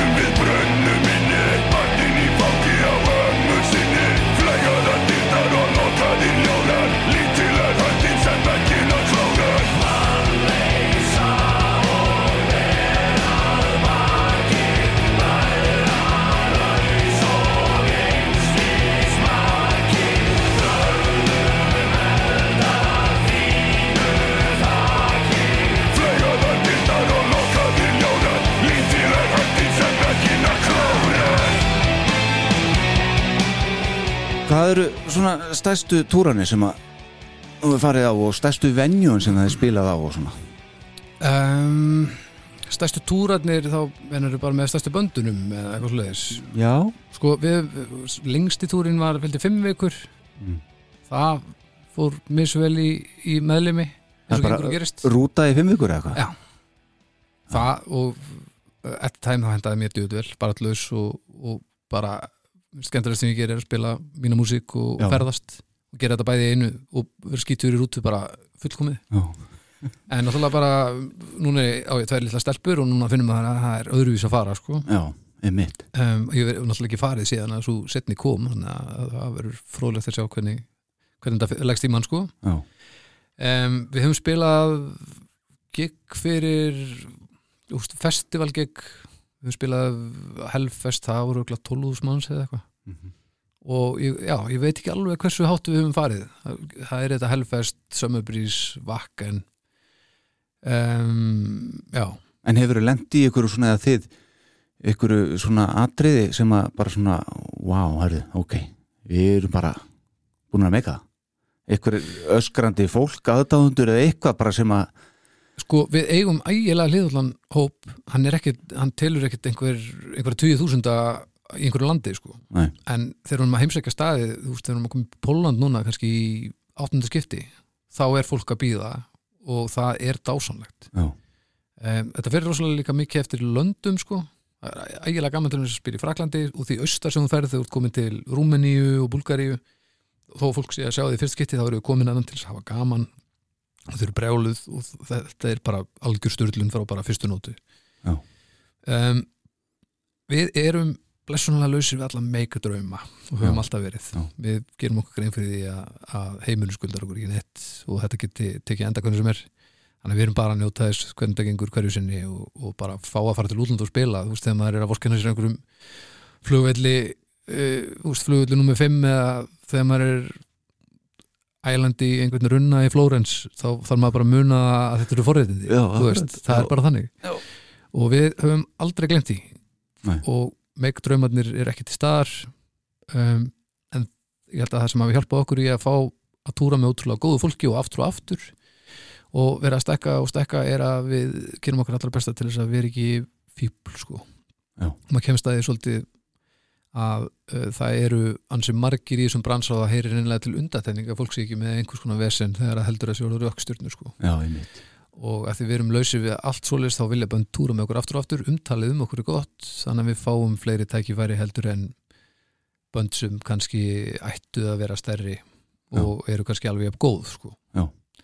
þannig að já, En hvað hva gerist fyrir hljóðkirkjuna þegar skálmöld fer á næsta túr? herðu, það er frábær spurning Er það ekki? Sko, ég tek náttúrulega bara með mig lappa og, og hérna græja þetta Og flosa og ekki, ekki flósan, Nei. við vinnum okkur í hægin já. sko. já, þú bara vinnur þetta bara on the road já, já, ég get Já. alveg gert það ég er Já. með núna tvöfald sett upp, ég er með upp í stúdíu og svo er ég með heima Já. og það er bara með lítið hljómborð og, og getunni hljómyndina þar og þó að sé náttúrulega allt öðruvísi þá mér finnst líka að vera gaman það er gaman að þurfa að díla við að, að hlutinni með ekki lækka í standard þó að þú sérst að vinna með erfiðar aðstæður ef ég tristi mér í að gera það og það verður ekki verra þá finnst mér það gaman Já. þó að sé erfiðara þá er maður bara yfirst í eitthvað Ok, og ég held að túr sé bara nákvæmlega það sko. Já. ég verð náttúrulega brjálaður stundum þegar ég, langar bara að vera að skoða einhver, einhverja borga eða drekka kaffi á einhverju kaffihúsi en ég meina, svona er lífið, Já, maður já. er bara að velja slæðina, sko. forréttindi, manstu? allt saman fórréttindi Já, herðu, næsta og, og, síðasta lagi sem hún valdir uh, ég valdi neðavelli, það var aðeinslega annarkvort hvaðninga eða neðavellir, ég ákvaði að velja neðavelli bara því að það er held ég mest spilað lagið okkar Þetta er ansi, já, þetta er líka ansi vinsælt á, á tónleikum Já, og þetta er nefnilega held ég vinsalasta lægið með okkur. Þetta er af, sko, vöggusinnar eru held ég vins, svona stærsta platan á heimsvísu, sko. Já. og Hvað erum við að tala um? Mörg seldu indug? yfir hugmyndu Þannig? þannig er eiginlega bara að taka með af, af Spotify tölum einhverjum, sko. Ok, en uh, það er stórkost að vera að eiga sem sagt aðalhittara sem að er hvaðningu og þetta þá. Það er því svolítið að setja þau undir sama hatt ég geta valið hvort sem er svo sem. Já. en að eiga svona tvo, tvö lög sem að hafa sprungið og maður þarf alltaf að spila og það er alltaf jafn gaman að spila það er til dæmis aldrei, kemst aldrei nálægt yfir að leiðilegt að spila kvæningu sko. Er alltaf jafn ógeðslega gaman. Það er ekki allir að díla það. Nei, akkurat. Þannig að, að og þetta lag er bara meiri kyrsla þetta, já, ég held að þetta væri svona mitt lag ef ég væri að hlusta á skálmöld sko. Ok Heyrum niðavelli Já.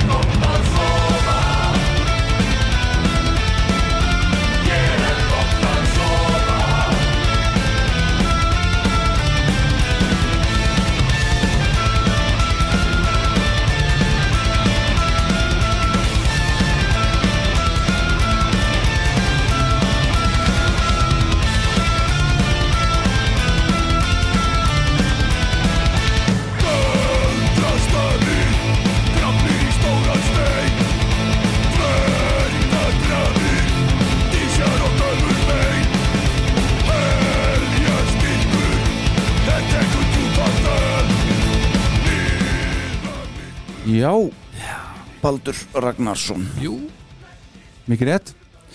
Herðu, árum við hérna skiptum um gýr já, og hérna og förum yfir í, já, til dæmis ljótu halvveitina akkurat. Þá ætla ég að fá að koma með óskalag. Ok, hvernig lístur það? ég mér líst mjög vel á það. Og ég vil að þú ég ætla bara hérna setja þetta á skjáin Ok, þú maður setja þessu já, ég manni til þessu. Þetta er skálmöld og sinfó. Já, ég, 2013 hefði ekki? Heyrðu, he, he, ég á þetta lag líka. Þetta finnst mér alveg geggjað. Þetta er hún Edda úr ángist Já, þetta er hún Edda, vinkun okkar og Með- Ofbúðslega sönguna þessa rödd þarna allt í hennu Þetta er svakalegt. Þetta er hvern maður fyrir þá sem ekki vita. Já, og live í hörpu. Mhm. Heyrum þetta. Því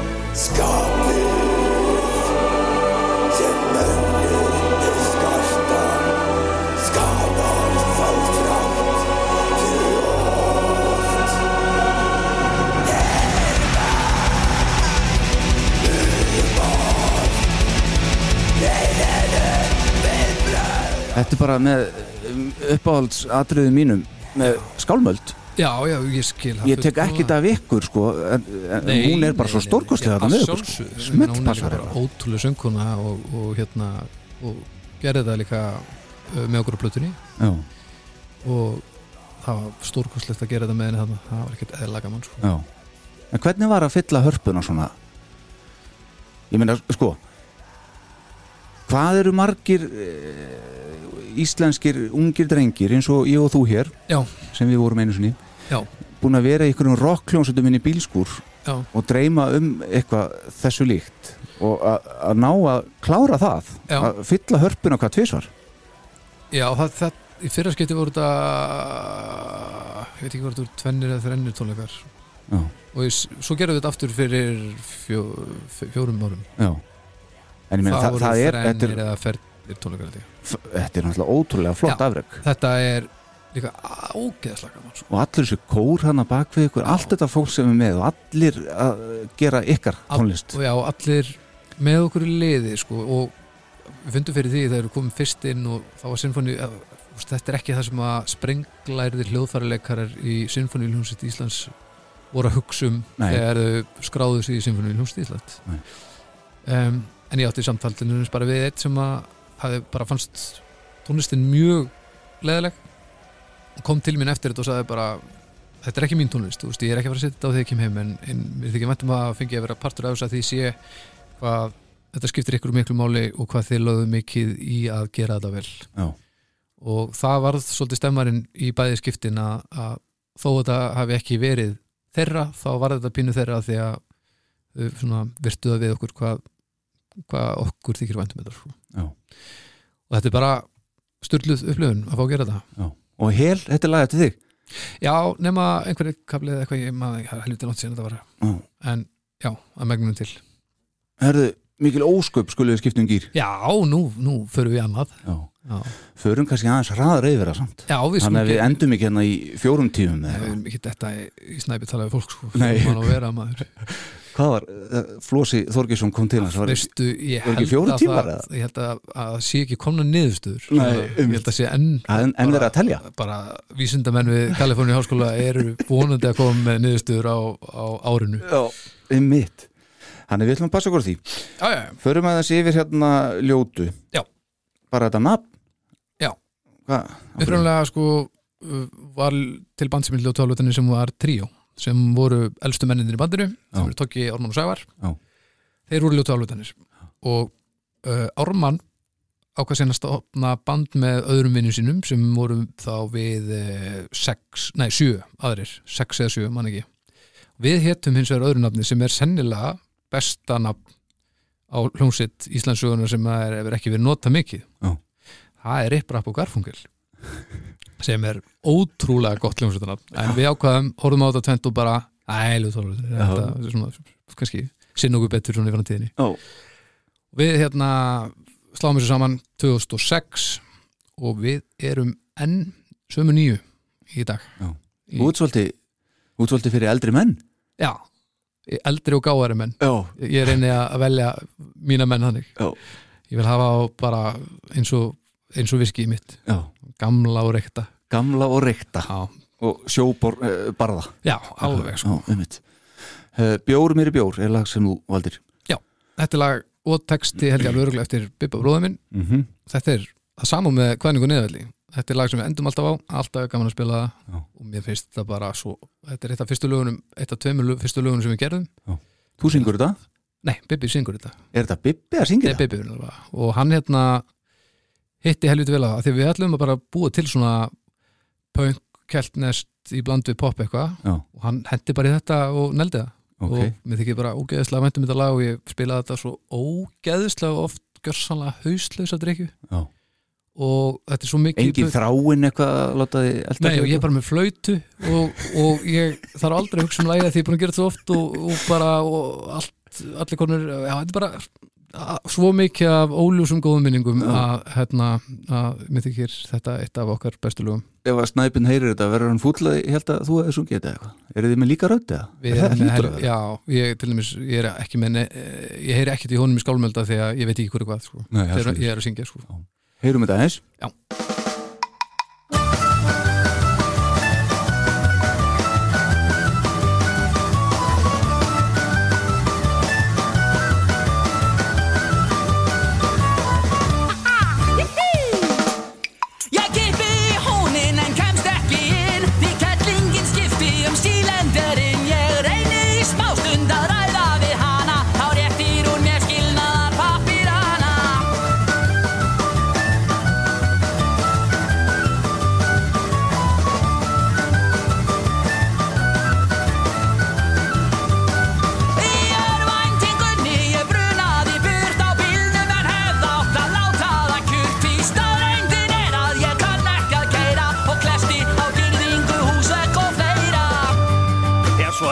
Lífið stundum ljótt. Og allt í lamasessi. En síðan finnur maður fljótt að það er fljótægt að kippa þessi lag. Herru, manstu því að það er bibbisingið? Já, ég má Já, manstu því að það er Ólafsson minningar? Já, já, Já, já, niðurstaðan er svo að þetta er Óttubenni Þetta er sér að Ottur Bjarni. Já, það er séran sem syngur þetta. Já. Bibbi syngur þetta stundum þegar að séran er að að jara það eða eitthvað. Já. Þannig að, já, þetta er alls ekki snæpjum Nei, nei. En annar laga texta hins vegar. Já, og, það var rétt. og það breytir því ekki að þetta er En voruð þið í blackouti í eða hvað? mm, Eða hvað? Nei, Nei? nei, ég held ekki. En En er þetta ekki eitthvað sem þú átt að vita? Nei, nei, Nei. Ég held ekki. Ég, ég, ég er bara einn maður sko. Já, ég veit það. Tæplega. Svo valdur þú Stjána? Já, Það er búið sjóari þetta er af annari plötun okkar og þetta er eldgamall lag sem að Eddi sem er með mér í Dómstegi mitt, lagarpinu, Já, hann samt þetta lag og þetta lag er bara ekki eins og neitt annað lag og það er eitthvað sem gleður mér svo æfintilega að ég tromma þetta. Ég get á upptökunni? Já, Er og- það alveg örugt eða? Veist, mannstu þetta alveg? Við sem skiptum stanslust hálfvitar um hljóðfæri live. Já, og bara til að útskýra hvað þetta er þá er þetta óundirbúið misgott stand-up. Svo er þetta snýst svona 20% tónlist og svo svona 80% fyllir í. Já. og bara að hafa gaman. Já, og þetta einhvern veginn það kemur allt fram í þessu lagi ok. bara hann er enginn að spila á hljóðfæri sem hann getur í alvörinni eitthvað á Já. og þetta er samt frábært Stjáni, Já. heyrum við það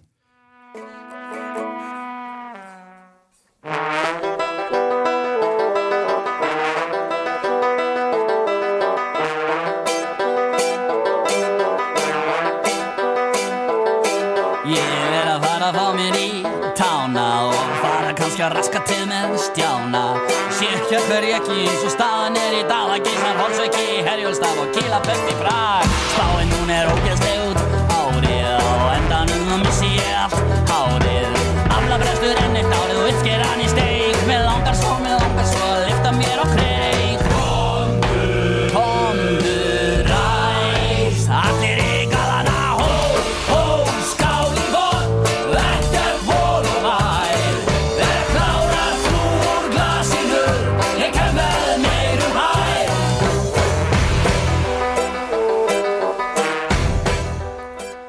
Framhúsgarandi trómulegur óafinnulegur, myndi einhver segja. Já, já, sem spilar ekki á trómur já.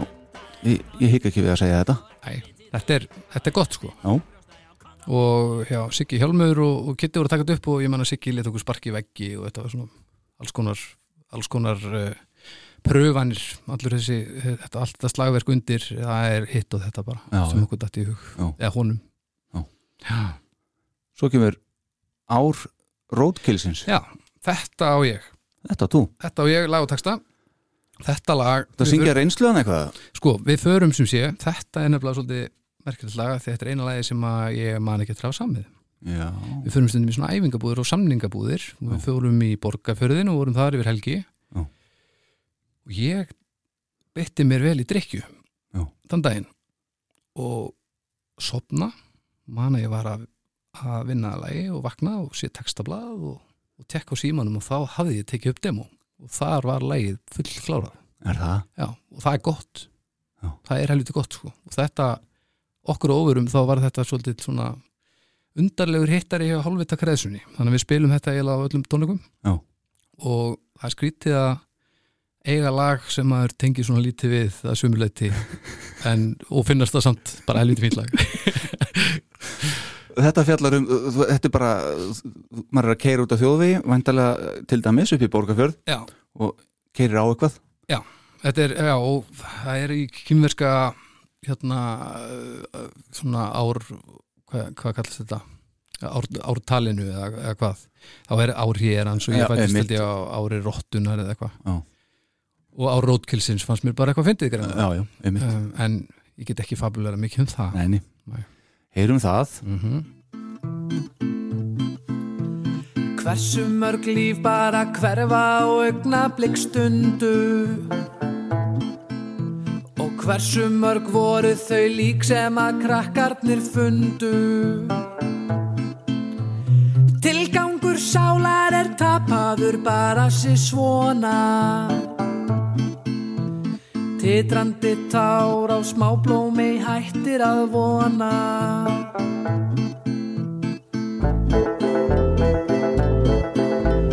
Kjökrandi sé ég nú kísu með margbrotnar tennur Kaldur er svitin sem bynni Þetta er svona vangalag Já, framanaf sko. Ó. Nei, alveg í gegn, reynilega. Já, það ekki. En, en svo svona þegar við laðið þetta eftir inn á pínu húkur í því og, og já, já, þetta er, þetta er skemmtilegt.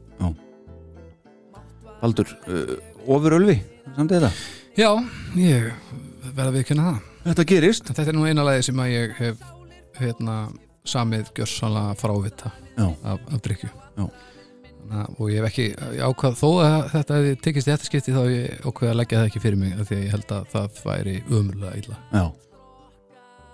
Herðu, næst er dönsum eins og drísla Dríslar, já, þetta er af nýjustu blötu álutana Já. sem er bara með nafn? Uh, Já, hún heitir Hóteletta og þar sést að plata, hún hérna heitir Rísei Já, það er rétt. Um, og uh, Hotel, já, Hotel Edda þetta er sérst, það er mynd framan á af Edda. Já. og hann er svona einhver ímyndaður hótelstjóri á hörmulu hóteli. Já.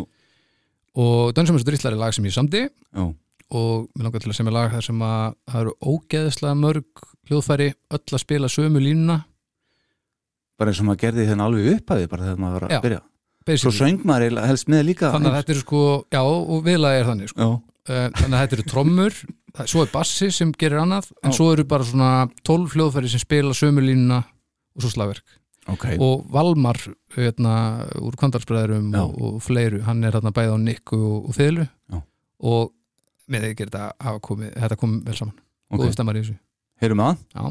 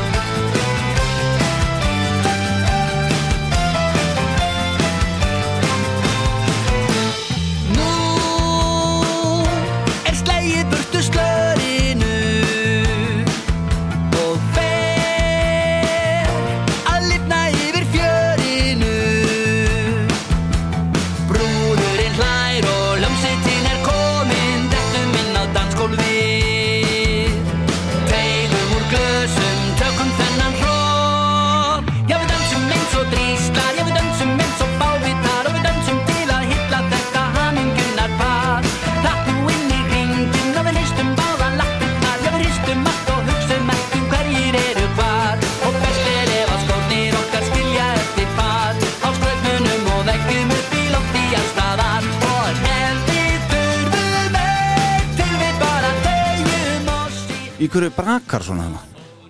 uh, það er eitthvað eitthvað svona man ekki hvað það heitir það er, við erum með svona já, sem er full af hlutum sem við skiljum misvel já Skildu þetta? Við skildum þetta, já, Já. og þetta texti, þetta texti eftir Sæfa Sigers Já. uh, Hvað er dríslar? Hvað, bara... Dríslar, það eru bara djöflar Já, já, ég mitt auðvitað og uh, svona í, í setjum tíð þá hef ég komist að því að mér finnst mjög, mjög leiðilegt að semja texta ég frekar uh, leiðilegur í og þetta er hérna og ég hef ekki að segja.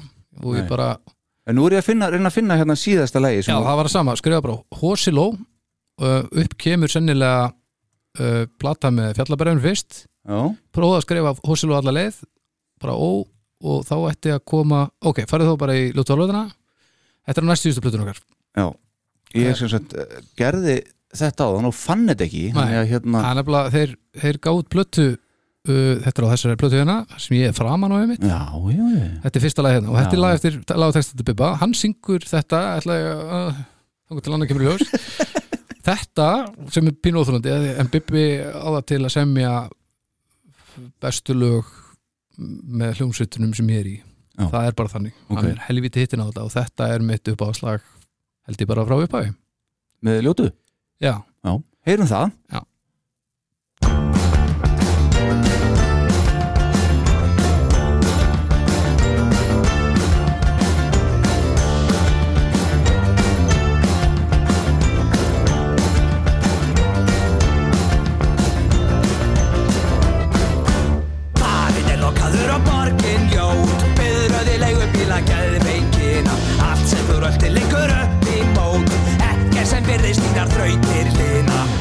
Áhyggju máttu fylgja mér.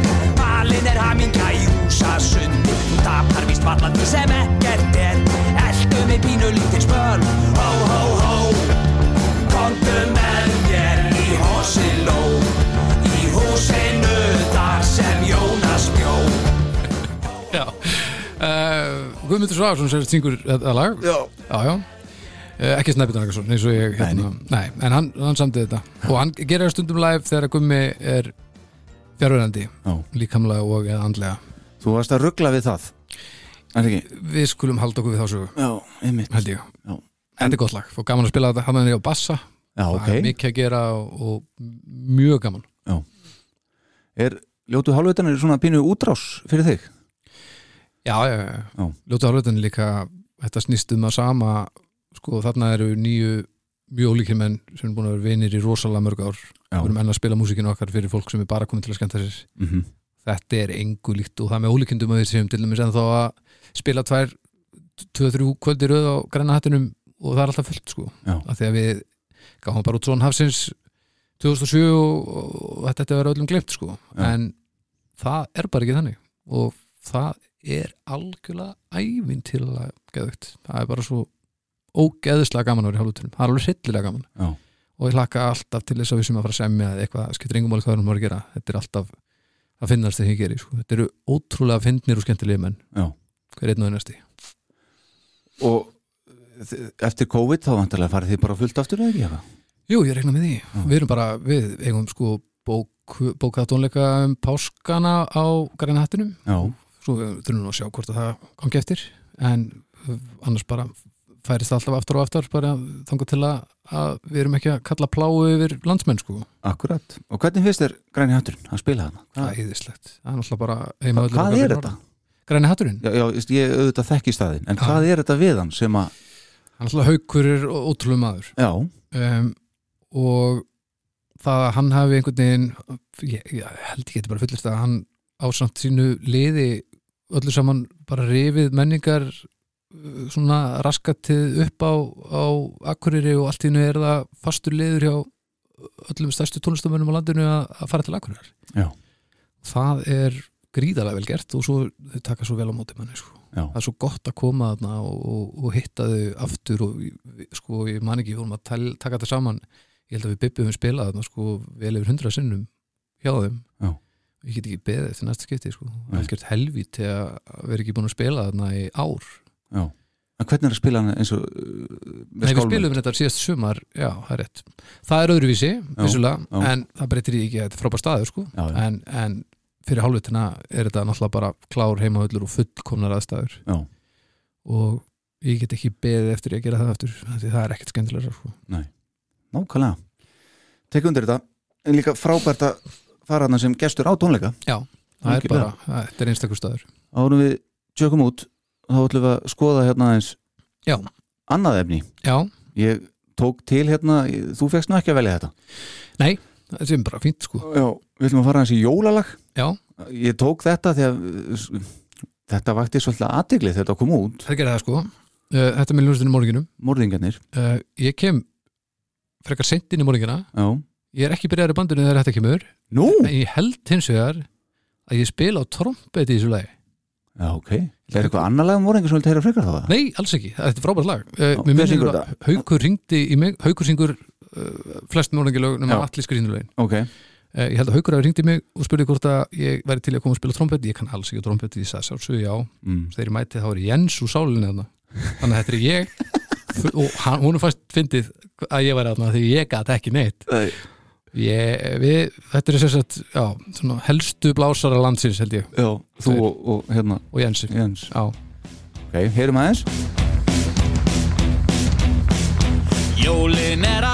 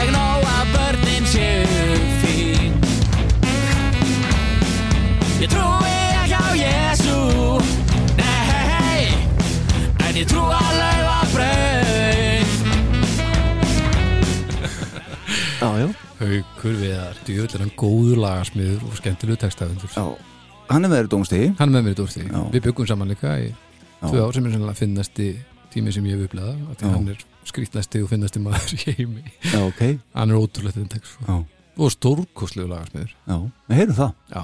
einmitt. og þetta heyrist nú alltaf á jólunum sko, kemur þetta? já, þetta er líka stórkostlegt lag Já, Jens var aðeins farin að leika inn ég held að ég hef eitthvað verið pín í bakgrunnum hann í, í fyrsta viðlagi en svo já, detti sterkar inn þetta setna Já. að veikum mætti þó já, já En svo komst það sterkari mætti bara í bandið í heilsinni.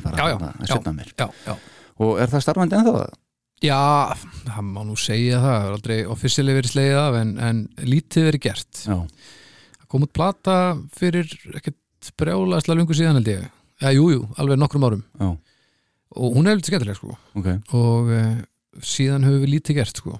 Spilaði eitthvað pínulega og eitthvað en, en það er alltaf bara svona næsta skref. Já, og svo er það önnur hljónsveit sem að hérna komst sent inn í. Já. Fórum aðeins yfir hérna í byrjun. Já, innvortis. Innvortis Já. Ég valdi hérna Reykjavíkur ömurleg. Já, af, af samnefndur í blötu, Já, uh, gott lag. Já, og góð plata. Já. Og hann er ég á bassa. Þú ert að basa hana Já, hann er ég á bassa. Hún að taka við að flosa? Já, og uh, það glætti mig gríða að, að vinnu minn Loftur, hann held að Flósi hefði spilað þessu plötu. Já, sem glætti mig mjög mikið það því að það því er að ég náða svona feika þetta einhver leiti, já, en við tókum þessa plötu upp á einu kvöldi eða tveimur og hjá honum Flexa í, Já. í stúdíu Reflex. Já. og við förum í fótbolta stillum öll upp og fáum sanda á allt, förum í fótbolta. Og ég sting mér fram úr Flexa og næ boltan með honum, hann tekur mig upp með báðum höndum og hendi mér í, í jörðina og ég lendi ofan á höndinni. Og það fer allt í steik í vinstri þannig að ég mátti gera svo vel að breyðja rosalega mikið af verkeflefum og drekka rosalega mikið af bjór og svo bara talið í og ég er að spila sem sé langt yfir getu. Alveg langt yfir getu. Ok. En þetta var svolítið tekið á nefanum og þetta er mjög skemmtileg plata. Drífandi. Reykjavíkur ömurleg. Já.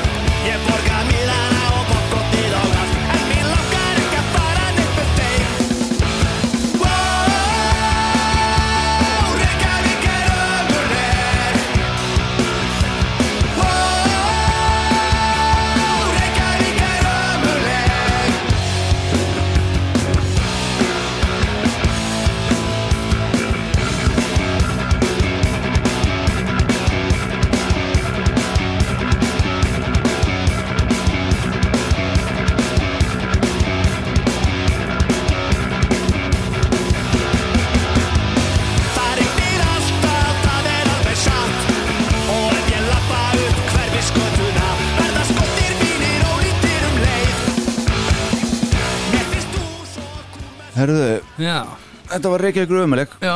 með innvortis. Finnst þér Reykjavíkur ömurleg eða hvað? Nei, Nei, nei, nei, nei, nei. nei. Þetta var bara Bara, eitthvað Hvað er skapur? Bi- Bibbi á, nei, Edda á textan eða Bibbi, Edda á allavega lagið. Já. En ég meina, þú veist, stundum náttúrulega. Já, já, Slapp og, einmitt. og eitthvað. Herðu, uh, Lotta Leikópurinn Lotta. Já, það, er sennilega það fyrirbæri batteri sem sem- ég hef samið hvað mest af músík fyrir í kemur tíðina, Já, held það og, og alls konar. Já. Þetta er semst uh, barnaleikúfur sem flakkar um landið þegar það er ekki heims faraldarar í gangi. Mhm. Og uh, við reynum svona að, að búa til leikrit sem eru skemmtilegur fullónu líka. Textar nokkuð vel? Já, Leini brandarar já, mikið, mikið að að leini og svo höfum við reynda að koma víða við í músík. Já. Þannig að kynna krak, svona, krakkar verði fyrir alls konar músík á sínum forsendum sko. Að það er þessi stórkoslega miskilingur að það þurfa að barn tónlistur eru einfaldari eða eitthvað Mhm. að því börn vita það ekkert sko. þú getur við proggaðast að lagi heimi og, og ef, ef barninu finnst það skemmtilegt þá er það ekki að hugsa um það hvað þessi flóki, því er dörrullu sama Já, já, þannig að við reynum að, að gera þetta eins vandlega við getum og, koma við að við já, þannig að við erum þetta að semja punk og einmitt pínu proggað og pop og, og, og hitt og þetta. Og ég ætlaði að láta þið spila punklag sem heitir Ljúðu gósi ljúðu, Já, svo búin að stilla því upp. Já, svo fattaði ég að hérna, þú hefði kannski meira gaman að heyra þetta lag. Já, Þetta er litlu gullu henni, ok. Þetta er risalagið. Já. og við, við erum hérna með risan uh, og litlu gullu henn og litlu gullu hennan er, er leikinn af steinavinni mínum Sigurbergsson sem er sennilega finnast í maður heimi. Já, og ég fekk þá hugmynd að búa til lag sem risin syngur og það væri hamlag. Ég myndi semja lag með ham sem er ekki til Já. og litla gullu hennan hann steini, hann er í proppi og svo ringdi ég í Sigurum Kjartarsson og sagði við hann hérna ég er eiginlega búin að semja lag með ham. Hérna væri til að leika risan á blötunni og hann tók bara vel í það. Já, og hann sem syngur þetta lag og leikur risan á blötunni uh, söng fyrst lagið, leik svo risan og, og bað svo um að syngja lagið aftur að því hann var búin að finna karakterinn. Já. en það, það basically samt ég lag eins og ég væri ham eftir bestu getu sem er náttúrulega ekki hægt að því að ham er einn besta ljónsut í heimi. Já. en eh, þetta, ég komst þó þetta næri. Þannig Hva, að Hvað sagði hérna Sigurjón? Við, fannst honum þetta hamlegt? hann allavega baðum að fá að heyra lagið og sagði síðan já. Já, þannig að við hljóttum að hérna, allavega nógu rétt. Já, það tekur smá tíma að byrja því að ég gerði mjög trublandi e, vídeo e, sem að öllum, þóttu nú ekki öllum barnaefni þetta vídeo en, en hérna, að byrja er von bráðarsamt læð þið getið tekka á þessu vídeo á netinu eða þið viljið, já. Eða þið viljið hérna, hérna er það að byrja hérna hjá mér. Já, ófrýnilegt. Dónalegt að vera bara með þetta hjá mér og ekki sitta á skjáinni fyrir líka. Ég, endilega, ég hef ekki séð þetta í einhver ár. Svo byrja lægið núna. Ég er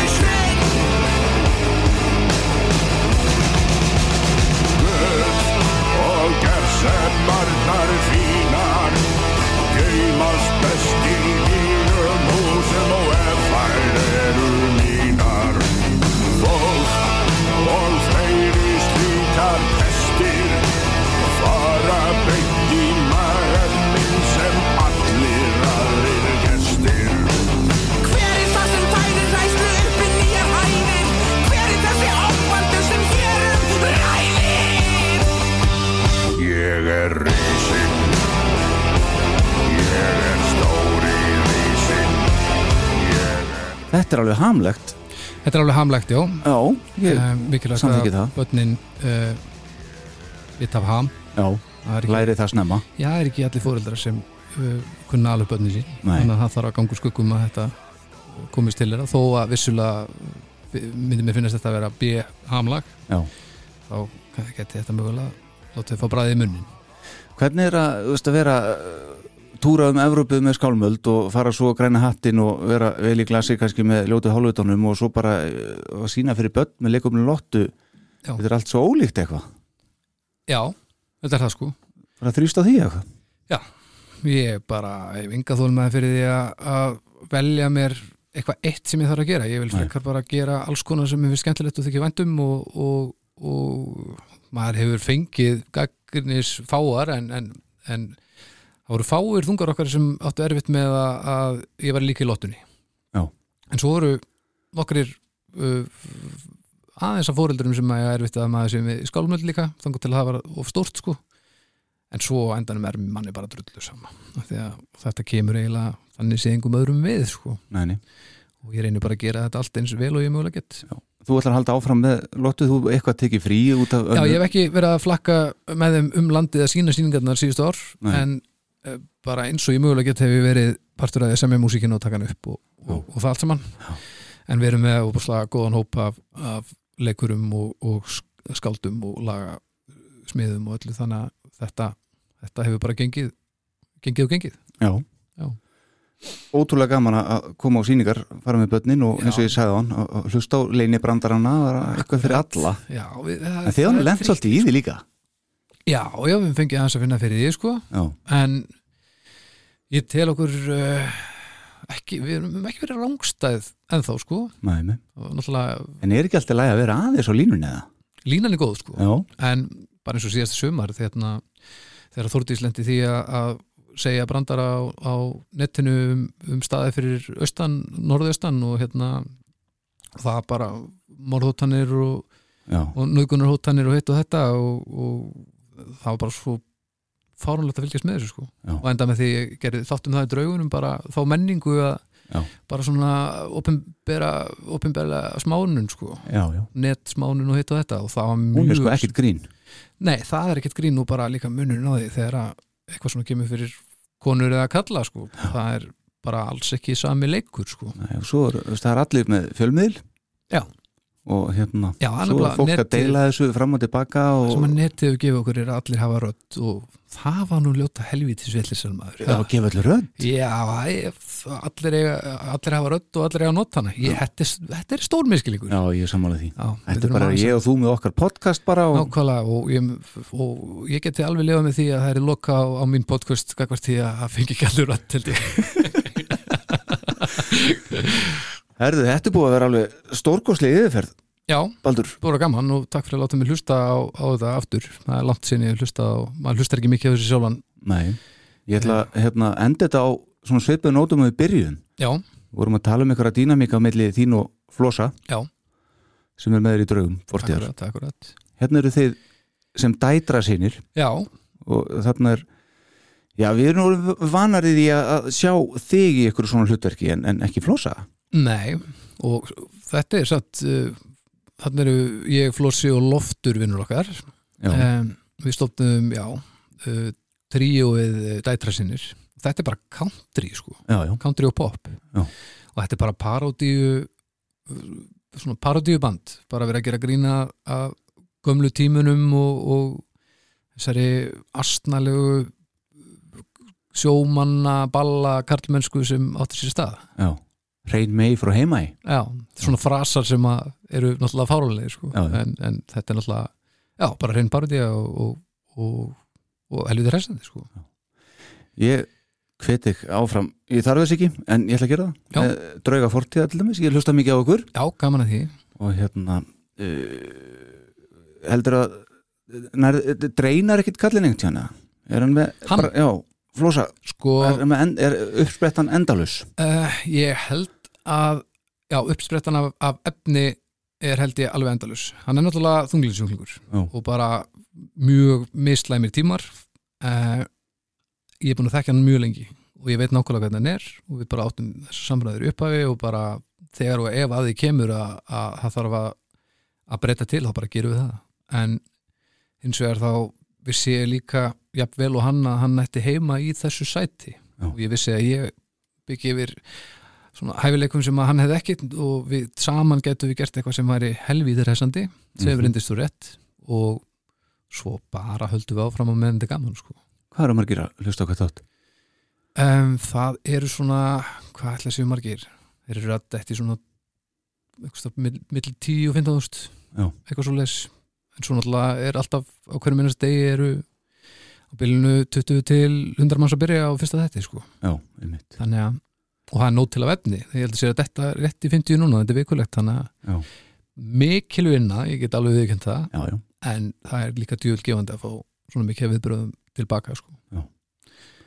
frábært Já. Gangið er vel með hljóðkirkjuna takk kærlega fyrir það Gangið er vel í skálmöld Já. Lottu takk, takk. og öllu sem að Og ljótu, já, auðvitað. já, já, nokkuðlega takk Eru fyrir þið ekki búin að kofera þinn fyrir bara nokkuð vel?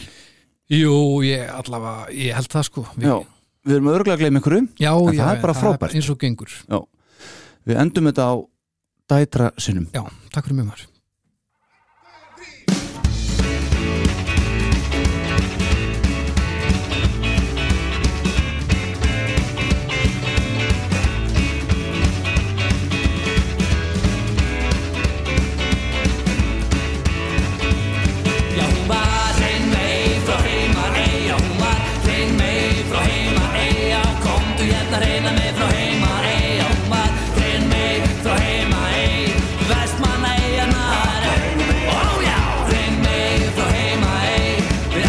á ball og ég set á hana pressu. Elsku vinnan ætlaru að vera í þessu litla? Reyna mig frá heima hei og hún var reyn mig frá heima hei og þá fór hún úr töflum og ég gekk að göflum og já, reyn mig frá heima hei hún er fín og flott mér finnst hún algjört æði. Ég ætla sko að fá að borga fyrir okkur bæði litla. Reyna mig frá heima hei og